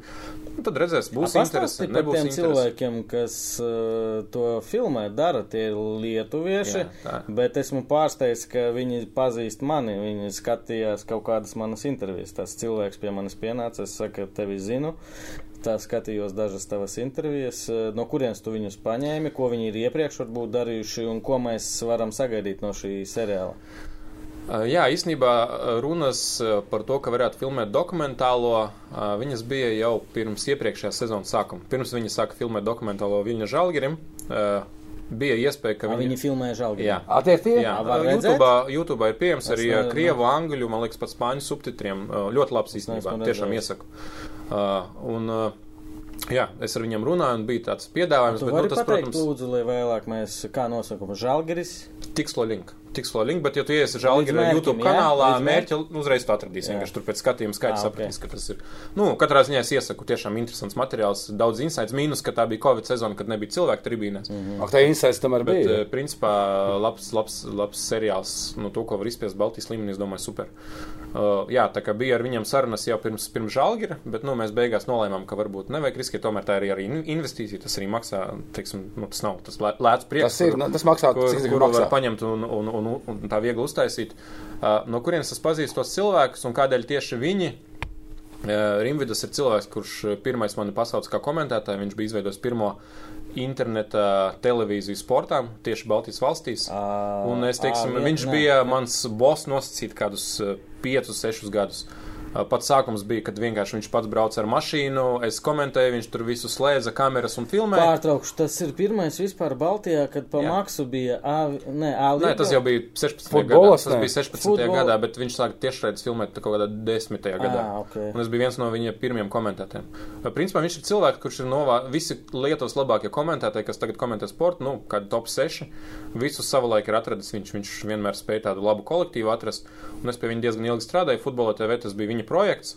Kas bija viņa daļai finansēja arī federācija. Mēs braucām ar izlasi, taisījām reportāžus mm. un tā tālāk. Katrā ziņā viņu ilgus gadus zināju, mēs arī strādājām kopā. Kaut kādā 15. 16. gadā viņš kļuva par A līgas vadītāju, es kļuvu par A līgas komunikācijas vadītāju. Tā kā tie pat Lietuvas bezslēgi. jā, jā, to sezonu mēs nostrādājām, bet nu, tur bija, teiksim, sakrājās parādi, naudas problēmas, tā tālāk, tā tālāk, un nu, mēs izšķīrāmies. Un uh, viņš pavisam uh, īsti meklēja, ko darīt tālāk dzīvē, un tad viņš uztaisīja ļoti labu filmu par uh, Lietuvas leģendāro basketbolistu Arvidu Sabonis. Tā filma ļoti labi un veiksmīgi bija visos kinoteātros Lietuvā. Viņi lido uz Ameriku, runāja ar dažādām Amerikas NBA zvaigznēm, piemēram, tur. Uh, nevis Adams Silver, bet iepriekš, kurš bija komisārs. Sterns. Jā, nu, piemēram, intervija bija ar, ar Sternu un tā viņš tālāk. Viņš dabūja- to visu taisīja. viņš Nu, tu viņam vari paprasīt. Uh, Katrā ziņā, jā, viņam ir tā superfilma par Sabonu, un uh, viņš saprata, ka varbūt tiešraides, un tas viss biznesa nav īsti viņa, un viņš vairāk uh, dokumentālās un tā tālāk, kaut kādas filmas un tā tālāk. Un viņš tagad tajā biznesā ir diezgan ilgu laiku, un viņam ļoti patīk futbols. Un, ja viņ, viņš ir tāds cilvēks, kuram ir daudz dažādas idejas, un nosacīt, ka cilvēkam kaut kāda lieta patīk, tad viņš var lietas darīt ne tikai naudas dēļ, bet arī idejas vārdā. Un, teiksim, arī tās finansiālās prasības, kas bija, nu, viņas ir salīdzinoši adekvātas. Ja tu paņemsi kaut kādu citu grupu, kas to filmētu, nu, es domāju, tas, tas nav reāli. Skaties, tu pavēlēt. šito, kam šī ideja pieder vispār? Par RFS dokumentālo? Jā. Nu, protams, ka man. Uh, tu ej pie kā? Nu, pie kluba, pie kluba prezidenta. Un ko viņš saka? Nu, viņš saka, interesanti, uh, kā tas varētu izskatīties, kas to darītu, cik tas varētu izmaksāt un tā tālāk. Okay. Jo redziet, kā, kā mēs esam satikušies. Ir viens gads, Latvijas futbolā ir viens gads, jā, kurā pēkšņi, jo RFS mēs nezinājām paralēli, ko dara. Ko jā. nezinājām, RFS filmēja doķeni par savu dokumentālo seriālu, par savu ceļojumu. Neskatieties, skatieties mūsu. Eiro kausos, ja? bet viņi tad ar profiņu pa lielu naudu. Ja? Un būs arī seriāls, kurā būs gan par mūsu FKPPK gaitām trešajā līgā no, no, no paša apakšā. Jums ir par to, kas notiek augšā pašā Latvijas futbolā. Mums būs video seriāls par to, kas notiek pašā, pašā apakšā. Tikai nu, mums nebūs uh, studija visi miljonus uh, profiņi, bet mums ir Aivars un Grijāns. Jā, Andrim, paldies. Andris un Aivars. Mums būs alternatīvais. Tā kā būs divi stāsti, pagrabs un apakša. Bet par to Gaidiet. dokumentālo arī, vai ne? Pirmo reizi, kad es eh, to ideju tā kā stādīju priekšā, ka varētu būt tāda ideja, man liekas, ka tas būtu super interesanti, bet, nu, tur, zin kā, tur daudz kam jāsaka. Nu, tur, tur komandai jābūt. Tu varēji otrajā kārtā Jo izkrist ir, ir, un uz ir, redzēšanos. nē, nē, bet sākumā ideja bija par visu sezonu filmēt, tā kā Žalgiris, teiksim, par, par pašu čempionātu vairāk. Un, uh, nu, tas bija tas gads, kad komanda kļuva par čempionu, izcīnīja kausu un likās, nu, mēs iz- neizmantojam lielisku momentu, vai ne? Jā. Nu, tipa super sezonu, pirmo reizi čempionu un tā tālāk. Bet nu, man, man, es tad, tad es redzēju, tieši, ko viņi uztaisīja ar žāģi. Nu, nu, es redzēju, ka man ļoti patīk tas produkts, un ka tā ir tā ideja, kur man liekas, Latvijā nekas tāds nav taisīts, nekādā tādā līmenī. Un, ka, nu, tas varētu būt tiešām interesanti. Un tad, nu, protams, visu sezonu filmē tas arī ir liels izmaksas un tā tālāk. Un uh, mans piedāvājums bija, ka varbūt, nu, es vispirms varu ne? parunāt. Aivar. Uh, Tieši par eirokausiem, uztaisīt tādu stāstu par eirokausiem, nu, bet tas ir, tas ir gambling. Jo tu nezini, Jā, varbūt, jā, jā, varbūt tā būs nezini. totāla izgāšanās. Nu, varbūt vienkārši visiem spēles un zaudēsi un, un, ne, nekas nesanāks. Bet nu, mēs nolēmām riskēt, un, un prezidents un arī Māris un visiem likās, ka interesanti ideja. Nu, jāmēģina. jāmēģina. Un, un, Pāniņa pendele, hik. Un es atceros, es eh, pret, eh, starp citu, ja jums ir iespēja sameklējiet uh, Iliča vārtus pret Fiorentīnu un paskatieties, kas notiek aiz vārtiem. Režisors vienkārši sāk skraidīt šitā. Tas pilnīgi interneta mems. Jā? Ja kāds izgriezt vienkārši, eh, jā, nu nereāls, nereāls skats. Un, uh, un kaut kā viņš atrada kopīgu valodu, man liekas, ar komandu, pilnīgi patstāvīgi strādā, man nav tur jāiejaucas. Man liekas, spēlētāji arī viņam uzticas. Bet es tev gribēju jautāt, kā šito, jo tu, tas tomēr nav pierasts. Un mēs arī, Nu jā, jā. nu, mēs ar Kristiānu Aivars, mēs līdz šim, kamēr mums nebija savas eh, futbola komandas, mēs bieži arī gājām tur ģērbtuvēs. Nu, jā. Mani redz, daži vieglāk ļauj to darīt, tur filmēt, runāties, bet vienalga, es pats biju futbolists, un ja es spēlēju, nu, pieklājības pēc es kaut ko pateikšu, bet nav patīkami, ka tevi filmē tur pirms spēles, tu, ka tu tur nezinu.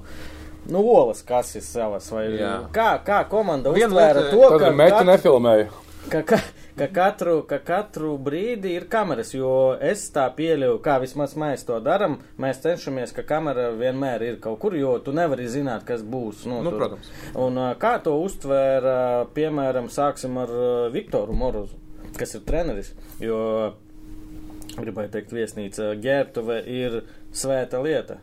Nu, tu zini, tu biji sporta komandās, kur bieži vien. Jā, jā, nu, nelaiž kaut vai. Vladimirs Šiburinas, man pat bija ļoti dīvaini, ka Žalgiris. eh, Kas ir Vladimirs Šiburinas? Ar viņu, tas ir Žalgiris galvenais treneris. arī ieveda- ļoti labs. jā, jā. Jā. Man, nu, zinot viņu, man bija tāda sensācija, ka nu, viņš piekrita tam. Jā. Bet viņam nebija izvēles. Viņš gribēja nākt uz Žalgiris, Žalgiris jau bija vienojies. Es, es, es, Viņam es, bija. es vienkārši biju dzirdējis vienu citu variantu, nu, viens cits uh, liels koncerns bija sācis filmēt uh, doķeni Mhm. par Žalgiri, Par ko? Par basketbolu? jā, Okay. ko norāva nost, un viņu, viņu, viņu pustaisīja pirms pāris gadiem. Un viņi norāva nost, tāpēc, ka nebija tas eh, kad sāk filmēt, ja bija runāts tā, ka viņi darīs visu atvērti, visu, jā. un sākās šito nefilmējiet, Es- es vienkārši- šito nevajag, to šito nevajag. Uh, Nu. es, es to klubu diezgan labi zinu, jo, nu, teiksim, uh, ir pagājuši gan desmit gadi, kopš es strādāju Kaunas žēlgrībā, bet tur strādā tieši tāpat administrācija, tieši tas pats vadītājs, komunikācijas vadītājs. Okay, labi, tā vai aizmirstam par Jā, to žēlgari. bet, eh, par dokumentālo, Par nu, RFS, nu, par Viktoru, par attieksmi Jā, spēlētājiem. nu, vispirms sāksim ar to, ka m, pirms katras sezonas komanda RFS ir nometne Turcijā, un arī vienā no dienām mēs uztaisām tādu īsu prezentāciju par to, kā, kā notiks darbs ar mēdiem. Jaunajā sezonā es pastāstu spēlētājiem, kādēļ ir svarīgi vienmēr piekrist intervijām, vienalga, tu uzvari, zaudē, zaudē 0-4, varbūt tev ir baigāši krobi, bet nu, tas ir tavs darbs. Uh, Spānijā cilvēki spēlētāji zaudē 0,5, bet tāpat viņiem jāiet uz flash intervijām, viņiem jādara lietas. Un, nu, vienkārši es paskaidroju, kādēļ tas tiek darīts, kādēļ tas ir svarīgi, ko klubs no tā iegūs un tā tālāk. Es vienkārši cenšos tādu informāciju, jo ir arī varbūt jauni spēlētāji, kuri varbūt nav saskārušies ar to. Un, teiksim, RFS tomēr mums diezgan tāds atklāts klubs. Eh, Es gribu rādīt pēc iespējas vairāk insaidu no ģērbtus, vēl kaut ko, jo man liekas, ka nu, mūsdienās tas ir, tas ir diezgan standarts, tas ir diezgan mm. normāli. Un cilvēkiem tas ir daudz interesantāk nekā kādas standarta š- frāzes, ka nu, mēs cīnījāmies, mēs tur tādi maliči un tā tālāk. Nu, tas nevienam neinteresē pa lielam. Malči vispār. Jā, un uh, tur uh, es arī spēlētājiem parādīju tieši tīzeri no Žalgira filmas, kur es biju saņēmis uh, četras minūtes, un es teicu, ka šis būs, šī būs lieta, ko mēs šogad taisīsim Eiropausos.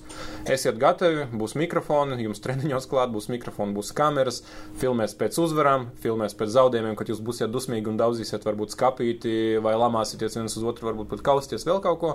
Vienkārši, nu, jūs pieradīsiet pie tā. Un, un tā arī bija sākumā spēlētāji, protams, skatās, kas tie par cilvēkiem, vai viņi jūt vispār komandas ritmu, vai viņi saprot, nu, kad filmēt, kur var iet, kur nevar iet, vai viņi tur nebāž kameru tev sejā brīdī, kad, nu, tu to pavisam negribi. Bet, Man liekas, ka ar tādu nelielu, viena lieta, ka viņi ieraudzīja, nu, žēlgara tīzeru un saprata, ka tas diezgan profesionāli uztaisīs tiešām, nu, augstā līmenī to, ko var izspiest. Tas varbūt nav Sunderland tilai dāja, bet no produkcijas viedokļa tas ir diezgan tuvu tam, teiksim, ar tiem resursiem, ko var izspiest. Tas ir, tas ir tiešām labs līmenis. Plus tie ir cilvēki, kuri tomēr ir, kuriem ir diezgan liela pieredze sportā, esot ģērbtuvēs gan basketbola, žēlgara klubā, piemēram, ar Pauļus Jankūnas. Diezgan drīz būs dokumentālā filma, kuru taisa tieši tie paši cilvēki. Nu, viņiem ir pieredze, viņi saprot, kā strādāt ar sporta komandu komandu, kad var iet tuvāk, kad varbūt, nu, kā, nedaudz tālāk to visu nofilmēt. Un uh, spēlētāji pamazām sāka viņam uzticēties, viņi pierada, atrada kopīgu valodu un, kā, pirmo reizi, kad tev kāds uzliek mikrofonu treniņā, tev liekas, nu, dīvaini, varbūt viņš tur skats spēlētājs mazāk runā. Uzliek otro reizi, viņš jau vairāk runā. Trešo reizi viņš aizmirst par to mikrofonu. Tieši tas pats ar treneri arī treniņā. Zin, kā vienreiz tu uzliks mikrofonu, nu, viņš varbūt kaut ko tur neteiks, vēl kaut ko otrreiz arī nē. Nu, Nu, es desmitajā, de, tāpēc, ka ir Es pirmajā spēlē arī ar mikrofonu absolūti, ne- nelamājos. Nu, pie absolūti visām lietām tu vienkārši pieraudi. Un beigās tu saproti, ka nu, galu galā ir savstarpējā uzticēšanās, ir līgums, ka nu, vienkārši nu, cilvēki, kas to visu taisa, nu, viņi nevar publicēt lietas bez Nu, jā, kluba jā. akcepta. Tu viņiem uzticies, viņiem jau ir pieredze, un man liekas, ka beigu beigās nu, arī visi spēlētāji saprot, ka nu, tas būs kaut kas tāds, Kruts. ko pēc desmit gadiem viņš varēs Varēs, rādīt nu. savam bērnam un teiks, nu, klausies, vat tajā Re, kā gadā mēs tajā Belfastā iestām golu un izlīdām no, Dirsas. no, no, no No pilnīgas jā.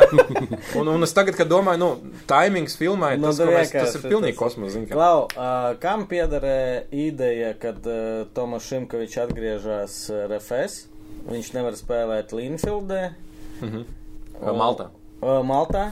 Sorry. Un uh, pirms spēles vai div, divas dienas pirms treniņa Šimkovičam pieliek mikrofonu, kurš pienāk pie Iliča un pasaka, ka tu Maltā iestīs divus golus. Uh, nu, tikai neskat tev, lūdzu. Nē, tas, ka Šimkovičs vispār atgriezīsies komandā, es, es vienkārši uzzināju. Man teica, man liekas, Māris man teica, ka gatavo tekstu Šimko būs atpakaļ komandā.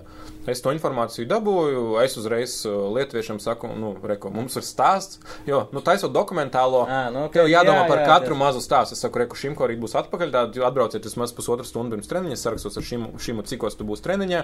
Viņš pasaka, tur, nu, 9.20 lietuvieši, saku, esiet vismaz 9. Viņi atbrauc, Šimko vēl pie mašīnas, viņu pi- nu, uzreiz nofilmē viņu piebraukšanu, viņi uzliek viņam mikrofonu, viņš ar visiem sasveicināts, un tas moments ar Iliču, tas, tas nebija, mē- mums iestudējumi vispār nekāda nav. Vienkārši tas notika dabīgi, un es par to pat godīgi nezināju, jo, jo mums ir tā, ka, piemēram, treniņa laikā Mēs vienmēr dažiem treniņ, eh, tre, eh, spēlētājiem un trenerim treniņu laikā mēs liekam mikrofonus. Nu, tas vienkārši ir interesantāks konteksts. Un tur sanāca tā, ka šim pienāca pie Iliča un pateica šo frāzi. Un uh, mūsu režisors Rimvidas, viņš vienmēr treniņos staigā ar tādu ekrānu, kur laivā viņš redz to, ko filmētāji filmē. Un viņam arī ir austiņas, un viņš attiecīgi dzird visus spēlētājus un trenerus, uh, treneri, ko viņi runā pa mikrofonu. Un viņš šo, brī, šo momentu piefiksē. Viņš, protams, ka man neko neteica. Nu, zin, kā tāds var Nu, gadīties protams, simts reizes. Pēc tam spēle beidzās. Viņš saka, klausies, man ir labs konteksts. Es viņam saku, nostāsti, kas tev par kontentu. Viņš saka, šīm pienāca Pīliča vakar treniņā, viņš saka, ka tiesas Aizvakar divas golas. Jā, jā, jā. Un ka viņš iestīs divas golas. Es saku, wow, fuck. Kā tas iespējams? Viņš saka, es saku, nu, tipu godīgi. Viņš saka, nu, jā, es saku, labi, vai grieziet ārā, sūtiet man, mēs uztaisīsim video. Smuku. Nu, tā tie stāsti arī rodas. Bet tas, tas nebija nekāds tur iestudējums vai vēl kaut kas. Nu, reāli, nu, reāli krūts kontents. Bet komanda ir pieradusi tiešām pie tām kamerām, pie mikrofoniem. Kad mēs varam gaidīt seriālu? Uh, mēs vēl īsti neesam izlēmuši, jo, nu, principā, laikam ir divi varianti. Viens ir uzreiz pēc sezonas beigām rādīt tās sērijas. Nu, un otrs variants ir pirms otras sezonas, pirms nākamās sezonas sākuma. Nē, nē, nē, nē, uztaisīt nē, nē, tādu nevajag nelielu ažiotāžu, lai cilvēkiem ir interesantāk nākt uz spēlēm. Piemēram, Žalgiris savu seriālu sāk rādīt tikai šogad. Es teiktu, labāk par nākamo sezonu. Maijā, ja es nemaldos. Jo Jā, viņa gribēja, jā. viņam bija gatavs pirmās sērijas februārī, un tad sākās karš. Nu, protams, ka tas ir ļoti slikts taimings. Viņi visu atlika vēlāk, un, un sanāca tā, ka viņi, viņam tieši bija jāiziet sērijā ar Bodo Glimtu. Par to, kā viņi pagājušajā gadā zaudēja, un šogad viņam bija atkal jāspēlē ar Bodo Glimtu Čempionu līgā. Un tad viņi neizlaida to sēriju, viņi uztaisīja pauzi. Jo viņi tur dabūja pa dirsu vai kā? Uh, nu jā, vienkārši. Nu, tā, tā sanāca. Tā kā. Bet es domāju, šis būs nu, viens no, no tām lietām, kas, es domāju, futbola faniem būs nu, super interesanti. Nu, ne tik forši kā par PPK, bet. Nu, protams. Būs, būsim godīgi, PPC, tas ir pagrabs. cits- Jo, jo, jūs, jūs nerādat to sākumu, kā, jūs rādat tos, kā tur augšā Jā. mākoņos klājas, nevis re- realitātē uz zemes. Parādītu, ja. kā tevi darbā paņēma. Ot, tas būtu interesanti. Tad var te rādīt, kā Līnfeldā no dirsas izlīda. Klubs. Nu, Zini, kā par Linfieldu atgriežoties. Nu, Es esmu cilvēks, ka man grūti spēles laikā ir nu, slēpt emocijas. Un Belfastā, nu, es zināju, ka nu, mums ir fantastiski iespēja sasniegt to sapni. Nu, vismaz man. Un, Un, kad tu kad, mēs ielaidām, un, un kad es redzēju to spēli, nu, es pat rakstīju draugam, es saku, mums ir pīpēts. Mums nav variantu. Es viņam rakstu godīgi. Es, tas, ko es te redzu, viņš saka, es viņam rakstu, un nav variantu nekādu. Viņš man neko neatbildēja, un pēc spēles viņš raksta, viņš raksta tiešām nav variantu. Un kad mēs ielaidām golu, Tur tiešām bija, tur bija tā, ka preses vietas, un tur augstāk tu uzkāp, un tas pa lielam tā uz paša jumta. Mēs ielaidām golu, es paņemu krēslu, uzkāpu uz jumta. Uh, un vienkārši sāku skatīties uz ielu, un kādas 5 minūtes skatījos uz ielu, jo man, nu, es biju tik dusmīgs spēlētājiem. Es domāju, nu, nu kā, nu, nu, nu, klubs viss ir izdarījis, jums ir tāda iespēja, nu, nu, ko jūs spēlējat, nu, kā ir iespējams tik slikti spēlēt, vai ne? Nu, es, protams, ka galvā saprotu, ka, nu, pretinieks nav tik vājš, kā daudziem izskatās, viņi spēlē mājās, bet, nu, es biju, es vienkārši jūtu, ka, nu, tās, tas sapnis, kurš ir tik tuvu, tu viņu tā kā vari paņemt rokās. Nu, nu, ka viņš pazūd, un tu nezini, ka tev atkal būs tāda iespēja, ka tu kļūsi Latvijā par čempionu. Un, un, nu, bija tāda nereāla vilšanās. Es vienkārši atceros, es tā paņēmu krāsu, sēžu. Leks skatos. gribēja. Nē, lekt es negribēju.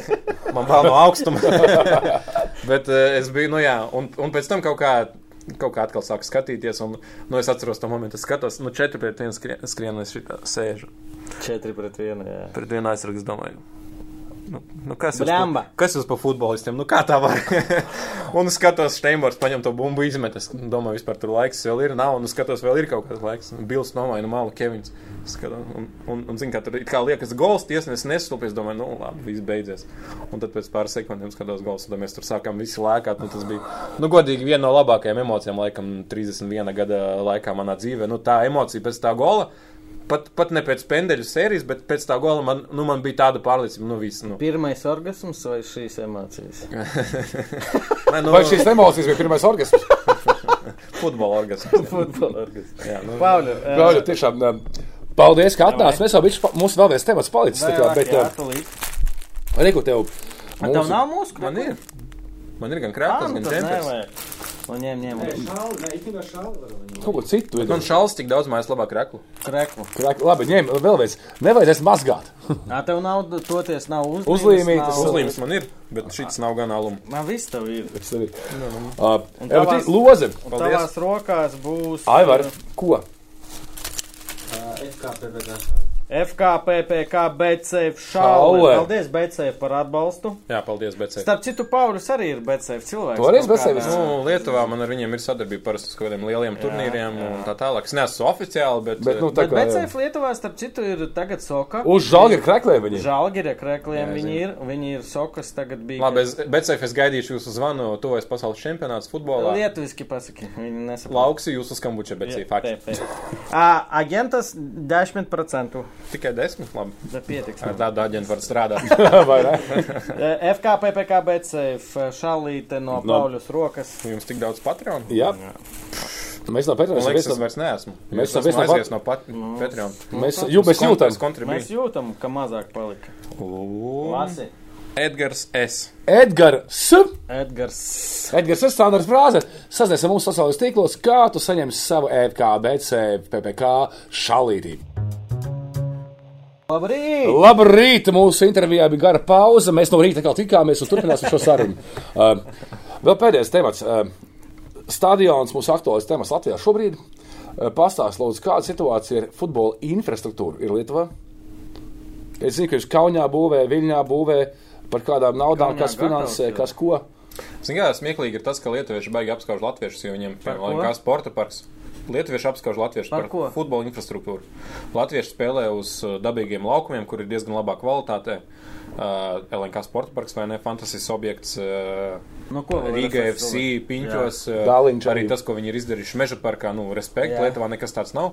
Lietuvā reāli vienam klubam, tikai Sudovai ir kaut kāds uh, savs, sava infrastruktūra. Viņiem ir manēža, viņiem ir stadions, viņiem ir trīs zaļie laukumi blakus. Bet nu, viņi visi ir uzbūvēti diezgan ievērojamu laiku iepriekš, un tā, tā nebija kluba investīcija. Principā, principā, Eiropas. Eiropas Savienība un pilsēta uh, pārsvarā to visu finansē. Tā kā no vienas puses mēs varam teikt, ka, nu, jā, tagad krūti vai ne, Kaunijā jauns stadions, uh, kurā, cik es zinu, ir diezgan daudz dažādu mīnus, par kuriem nav padomāts, bet, nu, no otras puses, Viņš ir. apsildāts laukums, moderns stadions 15,000 vietas, koncertu laikā 30,000 cilvēku tur var būt. Nu, viņš reāli izskatās krūti un moderni. Varam teikt arī to, ka uh, Viļņā uh, milzīgs sporta komplekss, 160 miljonu eiro koncesijas līgums kopā, Ā, nu uh, būs, no kur, kurā būs īsts futbola stadions bez skrejceļiem. Stadiona izmaksas ir aptuveni tagad tiek plānotas 40 miljoni eiro. Protams, ka viņas var palielināties, bet nu, stadiona infrastruktūra, stadions izmaksās 40 miljonus eiro. Blakus būs 3-4 futbola, pilna izmēra dabīgie laukumi, laikam mākslīgais laukums, kādas basketbola halles, bērnu dārza, biblioteka, futbola muzejs un tā tālāk. Viņas pašvaldības mājaslapā var redzēt visu, kas, kas sastāv tos, tos visus miljonus. Futbola stadions ir tikai daļa no tā. Šobrīd viņi jauc nost veco stadionu, izmaksas ir 300 e- tūkstoši eiro plus PVM. Bet uh, katrā ziņā viss Tātad notiek, uzvaras viss, nojaukt kas bija lēta, dārgāk nekā Bet uh, viss, kas notiek Lietuvā, no otras puses, tā ir pašvaldības valsts iniciatīva. Un, principā, paši klubi tur neko neiegūst. Nu- To, ko dara RFS vai Rīga FC, nu, Viļņa Žalgiris vai ne, mēs varam teikt, nu, slavens klubs vai ne. Viņam nav nekā. Kad es strādāju tur, mums vienā dienā ir treniņš uh, manēžā, jo mēs tiekam iekšā tur 11. Mēs pat nevaram izvēlēties laiku 11. tur. Nākamajā dienā mēs trenējamies citā viļņas galā, tur, kur mēs uh, varam dabūt puslaukumu un pa puslaukumu skraida bērni kaut kādos vienos. Nav svarīgi, ka tas nav vērts laiks. Nākamajā dienā mēs trenējamies federācijas stadionā, arī laikā, kur viņi nozīmē tādu tā kā bezpajumtnieki pa lielam. Tev, tev nav nekas, tev nav nekāda sava infrastruktūra, nekas. Latvijā tomēr, nu, tiem saviem klubiem pa lielam, nu, viņi var trenēties tajā laikā, kad viņi vēlas, vai tā būtu Rīga, vai RFS, vai tā būtu Valmiera, vai tā būtu Ā, Kopumā tā infrastruktūra tieši treniņu process un spēlē, manuprāt, šobrīd Latvijā ir daudz labāk. Lietuvā daudz arī spēlē uz sintētikas, dabīgie laukumi ir ļoti sliktā kvalitāte. Bet, nu, ja mēs runājam par nacionālo stadionu, nu, tad, jā, Kaunijā viņš divas dienas atpakaļ tika oficiāli nodots eksploatācijā, un 16. oktobrī notiks Lietuvas kausa fināls. Pēc tam arī uh, koncerts, tā kā es ļoti ceru, ka izdosies arī aizbraukt un paskatīties, jo tomēr vienmēr esmu sapņos, ka, nu, beidzot tas stadions tur Nu, būs. tu jau rīt tur dodies, cik mēs zinām. Nu, jā, bet rīt. Kad ir fināls? Kaus? Uh, 16. oktobrī. Tā kā, ja kāds no Latvijas vēlas, es domāju, labs pasākums aizbraukt, pēc tam aiziet uh, uz vecpilsētu, jo tiešām Kaunijā tādā ziņā ir super. Biļetes dabūsim mums. Uh, jums droši. Vienkārši nu, Tā. tas ir super pasākums tādā ziņā, ka visa infrastruktūra Lietuvā, nu, Kaunijā Tā tieši. ir svētdiena, ja? Kaunijā vai ne? Žalgira arēna ir blakus Akropolai 5 minūtes no pilsētas centra. Uh, No futbola stadiona 15 minūtes ar kājām tev jānokāp no kalna. No kalna tu esi arī galvenajā Pilsētā. Gal, galvenajā pilsētas ielā, vai ne? Tagad Kaunas sporta hāla ir pilnībā atjaunot. Nu, tādā ziņā viss ir tik tuvu centram, tik ērti. Nu, vienkārši grūti iedomāties kaut ko labāku. Tu pārdevi, tu pārdevi man ir brīvs 16, 17. Tā Tev kā, ja? pagaidām brīvs FKPPK būs playoff spēles. Labrīt. Varbūt būs jāuzvar tev. Jāuzvar ar tevi. Bet, ja kas, ja, ja kas mēs tev dosim ziņu, jo es varu, Aivar, nezinu, kā ar tevi un Žigu, bet. Tev eh, haiduk uh, ir uz, uh, Jā. diemžēl, valdes vairs nav. Nu, tāda futbola dzīve. Nodot valdes. Viņš nav Viņš miris, viņš ir atlaists ka Viņš tikai. joprojām man parādā divas biļetes uz žalgiri basketbolu. Uz basketbolu. Jā, Labi. es domāju, ka viņš pat neatcerās, kāpēc. Labi. Bet, ok. Es viņam atgādināšu. Atgādini, lūdzu. Uh, Nu, ko? Nu, laikam finalizējamies. Paldies, Pauļus. Es nezinu, cik mums sanāca. Ceru, ka divas stundas ne, nav. Citreiz cilvēki raksta, ka. Pa- Pa īsi varēja vairāk. Mums ir kā mēs jau zem divām stundām vēl, tev. davai, tu kā, tu esi taču preses cilvēks. Tu gribi par kaut kādu tēmu parunāt? Nu, daudz interesantu tematu. Tur var runāt par Lietuvas futbola federācijas bandītiem, var runāt par, O, oh, jā, tu... par, par, par konferences līgas spēļu organizēšanu un jaunām pieredzēm. Nu, daudz lietas, ko var īstenībā runāt vienmēr, bet uh, Jā, šie divi temati man patīk. Gan, gan, gan uh, Mēs pozitīvais. atstāsim uh, nākamajai reizei. Bet, uh, jā, nu, negribas baigi tajās tajās negācijās, zin, kā iet, jo, jo Nu, jā, tā līga futbola federācija, nu, tur jā. nekas nav labs, ko es varētu pateikt. Un, Bet un, un, skaties, nu, nevajag konkrēti neko. Bieži dzirdam, ka LFF, te, nu, tu zini, tu, Jā, tu esi jā. pa pusē latvietis, ka mēs te esam, uh, mums nauda ir, mums, es saku, LFF, no FA mēs neko nedaram, un tad pēdējās ziņas, ka tur vispār Lietuvā ir lielas problēmas, ka valsts grib pārņemt. Un, un iedomājieties, ja premjere, valsts premjere pirms trim, četrām dienām vērsās ar oficiālu vēstuli un FIFA, ka viņi grib satikties, izskaidrot valsts pozīciju Mhm. federācijas jautājumā. Federāciju vada noziedznieki, kriminālās autoritātes un tā tālāk. Nu, tas daudz ko izsaka. Un arī ir pieņemts likuma projekts par to, ka valsts pārņems federācijas visu vadību un tā tālāk. Viņiem tagad tas tikai likums ir vēl jāpieņem saimā. Bet nav gadījumā tā, ka, ja to izdara, tad tomēr. Jā, protams, futbola federācija arī jau nāca klājā ar paziņojumu, ka, ja tas viss notiks, tad, protams, Lietuva vismaz uz diviem gadiem tiks diskvalificēta no visām sacensībām. Nu, Klubi nesaņems nekādu. Nē, bet nu, problēma ir tā, ka arī klubi nesaņems nekādas Jā. izmaksas par piedalīšanos tur Eiropausos, bla, bla, bla, bla, bla. Nu, Lietuvā notiek tāda troņu kāri uh, savā ziņā, bet, nu, federācijā tas, kas notiek, tas ir ļoti skumji. Tie cilvēki, diemžēl, kur ieņem augstas pozīcijas federācijā, nu, diemžēl. Uh, ar kriminālu tur saistības ir daudz, bet nu, tas ir atsevišķs temats. Tur varētu daudz, daudz un dikti runāt. Būs bet- special edition. Pauļus Jakels atklāti. Viņš sēdēs tā tumsā Nē, nē, kontūru skaties, tikai ar maisu galvā. ar Edmundu ir tas uh, tiesnesis Jā. lietuviešu. kas- Pendeļis. Zini, kā, es, es varbūt tā nobeigumu pateikšu, nu, ja kādam liekas, ka Latvijas fe- federācijā tur viss ir slikti vai nē, bla, bla. Nu, es domāju, lietuvieši varētu tikai sapņot par to, lai būtu nu, tāds reglaments. Eh, Tas, kas notiek Latvijas futbolā, tā ir nu, tiešām demokrātija. Tu, tu, tu, tu gribi kļūt par prezidentu, tev ir tāda iespēja. Lietuvā, ja tu gribi kļūt par federācijas vadītāju, nu, tā būsim godīgi, tur savējie balso par saviem. Tur, tur nav nekāda varianta. Latvijā tā situācija ir daudz labāka, daudz demokratiskāka, un uh, lietuvieši ar skaudību lūkojas šajā ziņā. Lietuvā arī ir vēstules cēsam, tur vat šitas. Nē, Lietuvā neviens klubs nekad nav vērsies arbitrāžu tiesā, tāpēc, ka nevienam nav naudas. Nav naudas. Nu, tas, ir, tas ir ļoti vienkārši. Un pēdējais jautājums. Jā, tur tikai lietuvieši vienmēr runā, oh, latvieši tur zina, kā par kaut kādu sīkumu, nu, pēc lietuviešu domu. Jā. Par kaut kādu sīkumu ir aizgājuši uz arbitrāžu, o lietuvieši vienkārši pat, nu, nevar nocēt, kā tas vispār ir iespējams. Bet, nu, zina, kā tas ir atsevišķi temats par to, ka Lietuvā valsts uh, sastāv lielāko daļu budžeta visiem uh, futbola un basketbola klubiem un tā tālāk. Par to atkal varētu daudz runāt. Nu, vienkārši tas pavisam citas pasaules, kā Lietuvā tiek finansētas sporta, A, kā? profesionāla sporta Latvijā. Nē, mēs laikam tā nebeigsim. Tik vienkārši. Eh, tu tikko teici, un arī čatā daudzreiz PPC čatā tiek pieminēts, cik eh, lielas finanses ir eh, basketbola klubiem, eh, futbola klubiem. Es tagad nesaku, lai heiteri nedomā, ka es tagad prasu no Latvijas valsts naudu klubiem futbola. Kāpēc tā tas notiek Lietuvā? Kāpēc tas eh, pieņems, ka tā ir norma? Zinu, ka tu finansējuma arī- nāk no pašvaldības vai valsts. Jā, un diezgan ok. Nu, pastāsti, piemēram, Žalgiris eh, basketbolā. Kaunis Žalgiris aptuveni 2 miljoni eiro gadā no pašvaldības.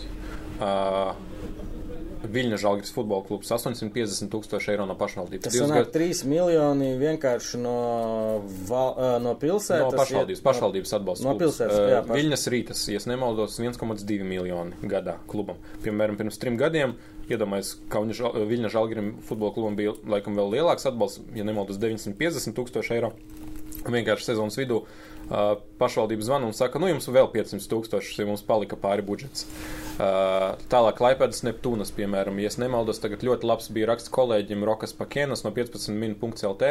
Viņam bija uh, raksts ar nosaukumu, ka Lietuvas basketbola līga ir pašvaldība līga, un tur bija uh, uztaisīta tabula ar visiem uh, dalībniekiem Lietuvas augstākajā basketbola līgā, uh, cik uh, no viņu budžeta sastāda uh, pašvaldības finansējums. Nu, bija klubi, kuru finansējums sastāda gandrīz 80%, nu, piemēram, tur Neptūnas un tā tālāk.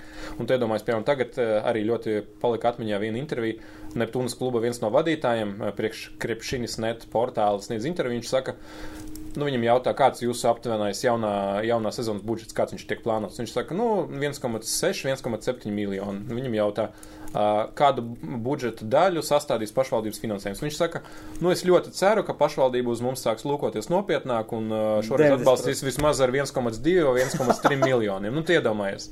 Un, un, un, daļai var teikt, ka Lietuvā varbūt tas ir plus, ka pašvaldības ļoti stipri atbalsta basketbolu un futbola klubus. Nu, tur tie procenti atšķiras. Ir klubi, kuriem 30% mm. sastāda pašvaldības finansējums, ir klubi, kuriem tur 70 un arī 80%. Bet, uh, kāpēc? ko es gribu Jā. pateikt, ir, ir, ir tas, ka Daļa no tiem klubiem, viņi saņemot vairāk kā pusi savu finansējumu no pašvaldības, viņi vēl uzdrīkst teikt, ka pašvaldība mūs apbižo, viņi mūs neatbalsta, viņiem nepatīk basketbols, A, un, viņi, un viņi, viņi saņem lielāko daļu sava finansējuma no pašvaldības, un viņi publiski izsakās par to, ka pašvaldība viņus neciena, par viņiem ņirgājās, un viņiem dod par maz Kāpēc? Nu, naudas. tas, ir, eh, tas nozīmē, ka, ja, vi- ja viņi. Lielākā to sa- daļa Lietuvas profesionālo sporta klubu pazustu uzreiz nākamajā dienā, ja pašvaldība pateikt, ka viņiem neko nedod. Bet kāpēc Piemēram, Alīgā Kāpēc? pirms uh, licencēšanas sākuma daudz klubi saka, nu, vai mēs spēlēsim vai nespēlēsim Alīgā, ir atkarīgs no pašvaldības, kad viņi nu, apstiprinās finansējumu, tad mēs arī varēsim pateikt, vai mēs piedalīsimies vai ne. Un no tā finansējuma tu vari maksāt algas ja, tā ja, ja cilvēki, nu, to bišķi, ja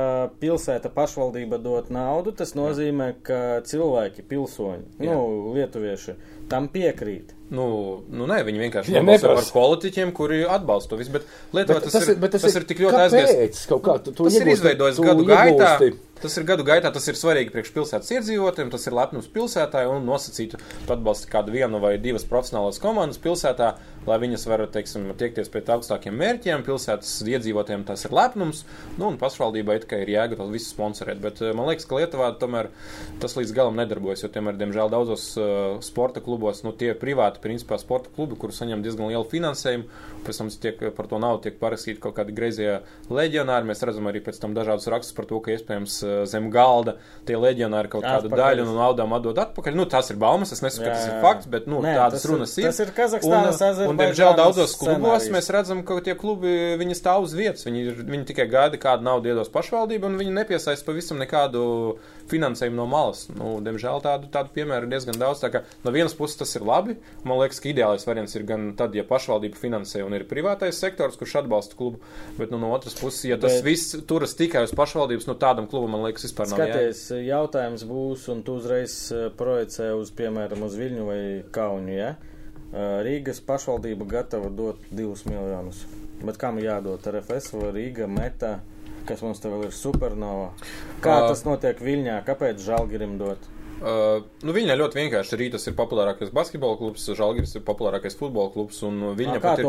Viņa, viņa pat ir. ko- ko tieši, kad es, labāk? kad es strādāju tieši Žalgirī, uh, viņas pašvaldība arī uh, nomainīja savu reglamentu, un tagad uh, iespēja piedalīties konkursā ir jebkurai sporta organizācijai, bet uh, par uzvarētāju var kļūt tikai viens pārstāvis konkrētajā sporta veidā. Attiecīgi, piemēram, ja Riterē ir no Viļņas un Žalgiris ir no Viļņas, tad finansējumu var dabūt tikai viens klubs.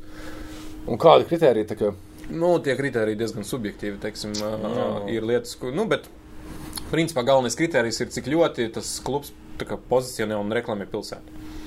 Okay. Eh, Man, kā, man šausmīgi vajag čurāt. Ja. Atkal? Atkal, jā. Bet eh, es uzdošu pēdējo jautājumu, un tad iešu projām, un varbūt kungi pabeigs sarunu. Eh, Galvenais jautājums, kas interesē pilnīgi visus, ir sekojošs. Kāda? Nē, nekāda alga. Vai Edmunda un Arkādija Birjuka, lietuviešu eksperts, Pendeļis ir reāls cilvēks? Viņš, vai viņš tiešām ir tiesnesis? Idiots. Uh, es Pauļus Molžinskas uh, pazīstu sen, kad es biju komentētājs. Mums katru gadu pirms sezonas sākuma viņš bija tiesnešu instruktors Lietuvā. Un uh, pirms katras sezonas sākuma visi komentētāji, kuri komentē Lietuvas līgas spēles, mums bija tikšanās ar viņu. Viņš bija sagatavojis uh, dažādus materiālus ar dažādām interesantām situācijām. Nu, teiksim, nevis no Lietuvas čempionāta, bet vairāk no ārzemēm. Uh, viņš rādīja tās situācijas, viņš vispirms uzklausīja mūsu viedokli, un tad, uh, uzklausot mūsu viedokli, viņš teica, kā, kā ir pareizi, kā tas ir pēc, pēc tiesnešu lēmumiem. Tā kā Lietuvā viņš tiek uzskatīts par tiešām ļoti labu tiesnešu instruktoru. Kā tiesnesis viņš nebija top tiesnesis, bet nu, viņš tomēr ir tiesājis starptautiskās mm. spēlēs. Un uh, Lietuvā viņš arī taisa vlogu tieši par to. Par dažādiem uh, tiesnešu lēmumiem, un man liekas, ka jebkurā tādā raidījumā, uh, vispār tiesnešu darbā ir tā pelēkā zona, ir momenti, kur, kur var strīdēties līdz bezgalībai. Viņš teiks vienu, un, jā, jā. un, un es vai kāds cits cilvēks teiks otru. Un tās eh, tie viedokļi vienmēr atšķiras, bet nu, Lietuvā, teiksim, es saku, nu, kādus sešus gadus pēc kārtas mums bija pirms katras sezonas oficiālā tikšanās ar viņu, kā federācijas pārstāvi. Uh, vienkārši viņš mums deva informāciju par jaunākajām izmaiņām tiesāšanā, tendencēs un, un tā tālāk. Un tā joprojām. Nu, Tā kā- šie ir praksa, kas būtu jāpārīm arī mums Latvijā. Mums nav tādu cilvēku, diemžēl, pagaidām. Jāgaida, kamēr Andris Trēmanis beigs karjeru, tad es domāju, ka viņš varētu būt tāds. Uh, Paldies, Pauļus! Pagaid, nē, es gribu pēdējo jautājumu. Cik punktu RFS dabūs uh, konferences līgā? Ci- Uh, divas spēles nospēlētas, viens punkts. Un es teikšu, es teikšu vēl četrus. Paldies! Raiva Bēcis, vecais tev! Metas ultram sveiciens! Čau! Mums ir derības. Starp citu, jā, Pauļus, lasīju arī vēstu interviju. Pauļus jau 2020. gadā kādā intervijā teica, es savai draudzenei uzreiz pateicu, futbols vispirms. Pauļus ir šis. No, tā ir taisnība. Nevajag, paldies, kā tāds tiešām. Ačiū.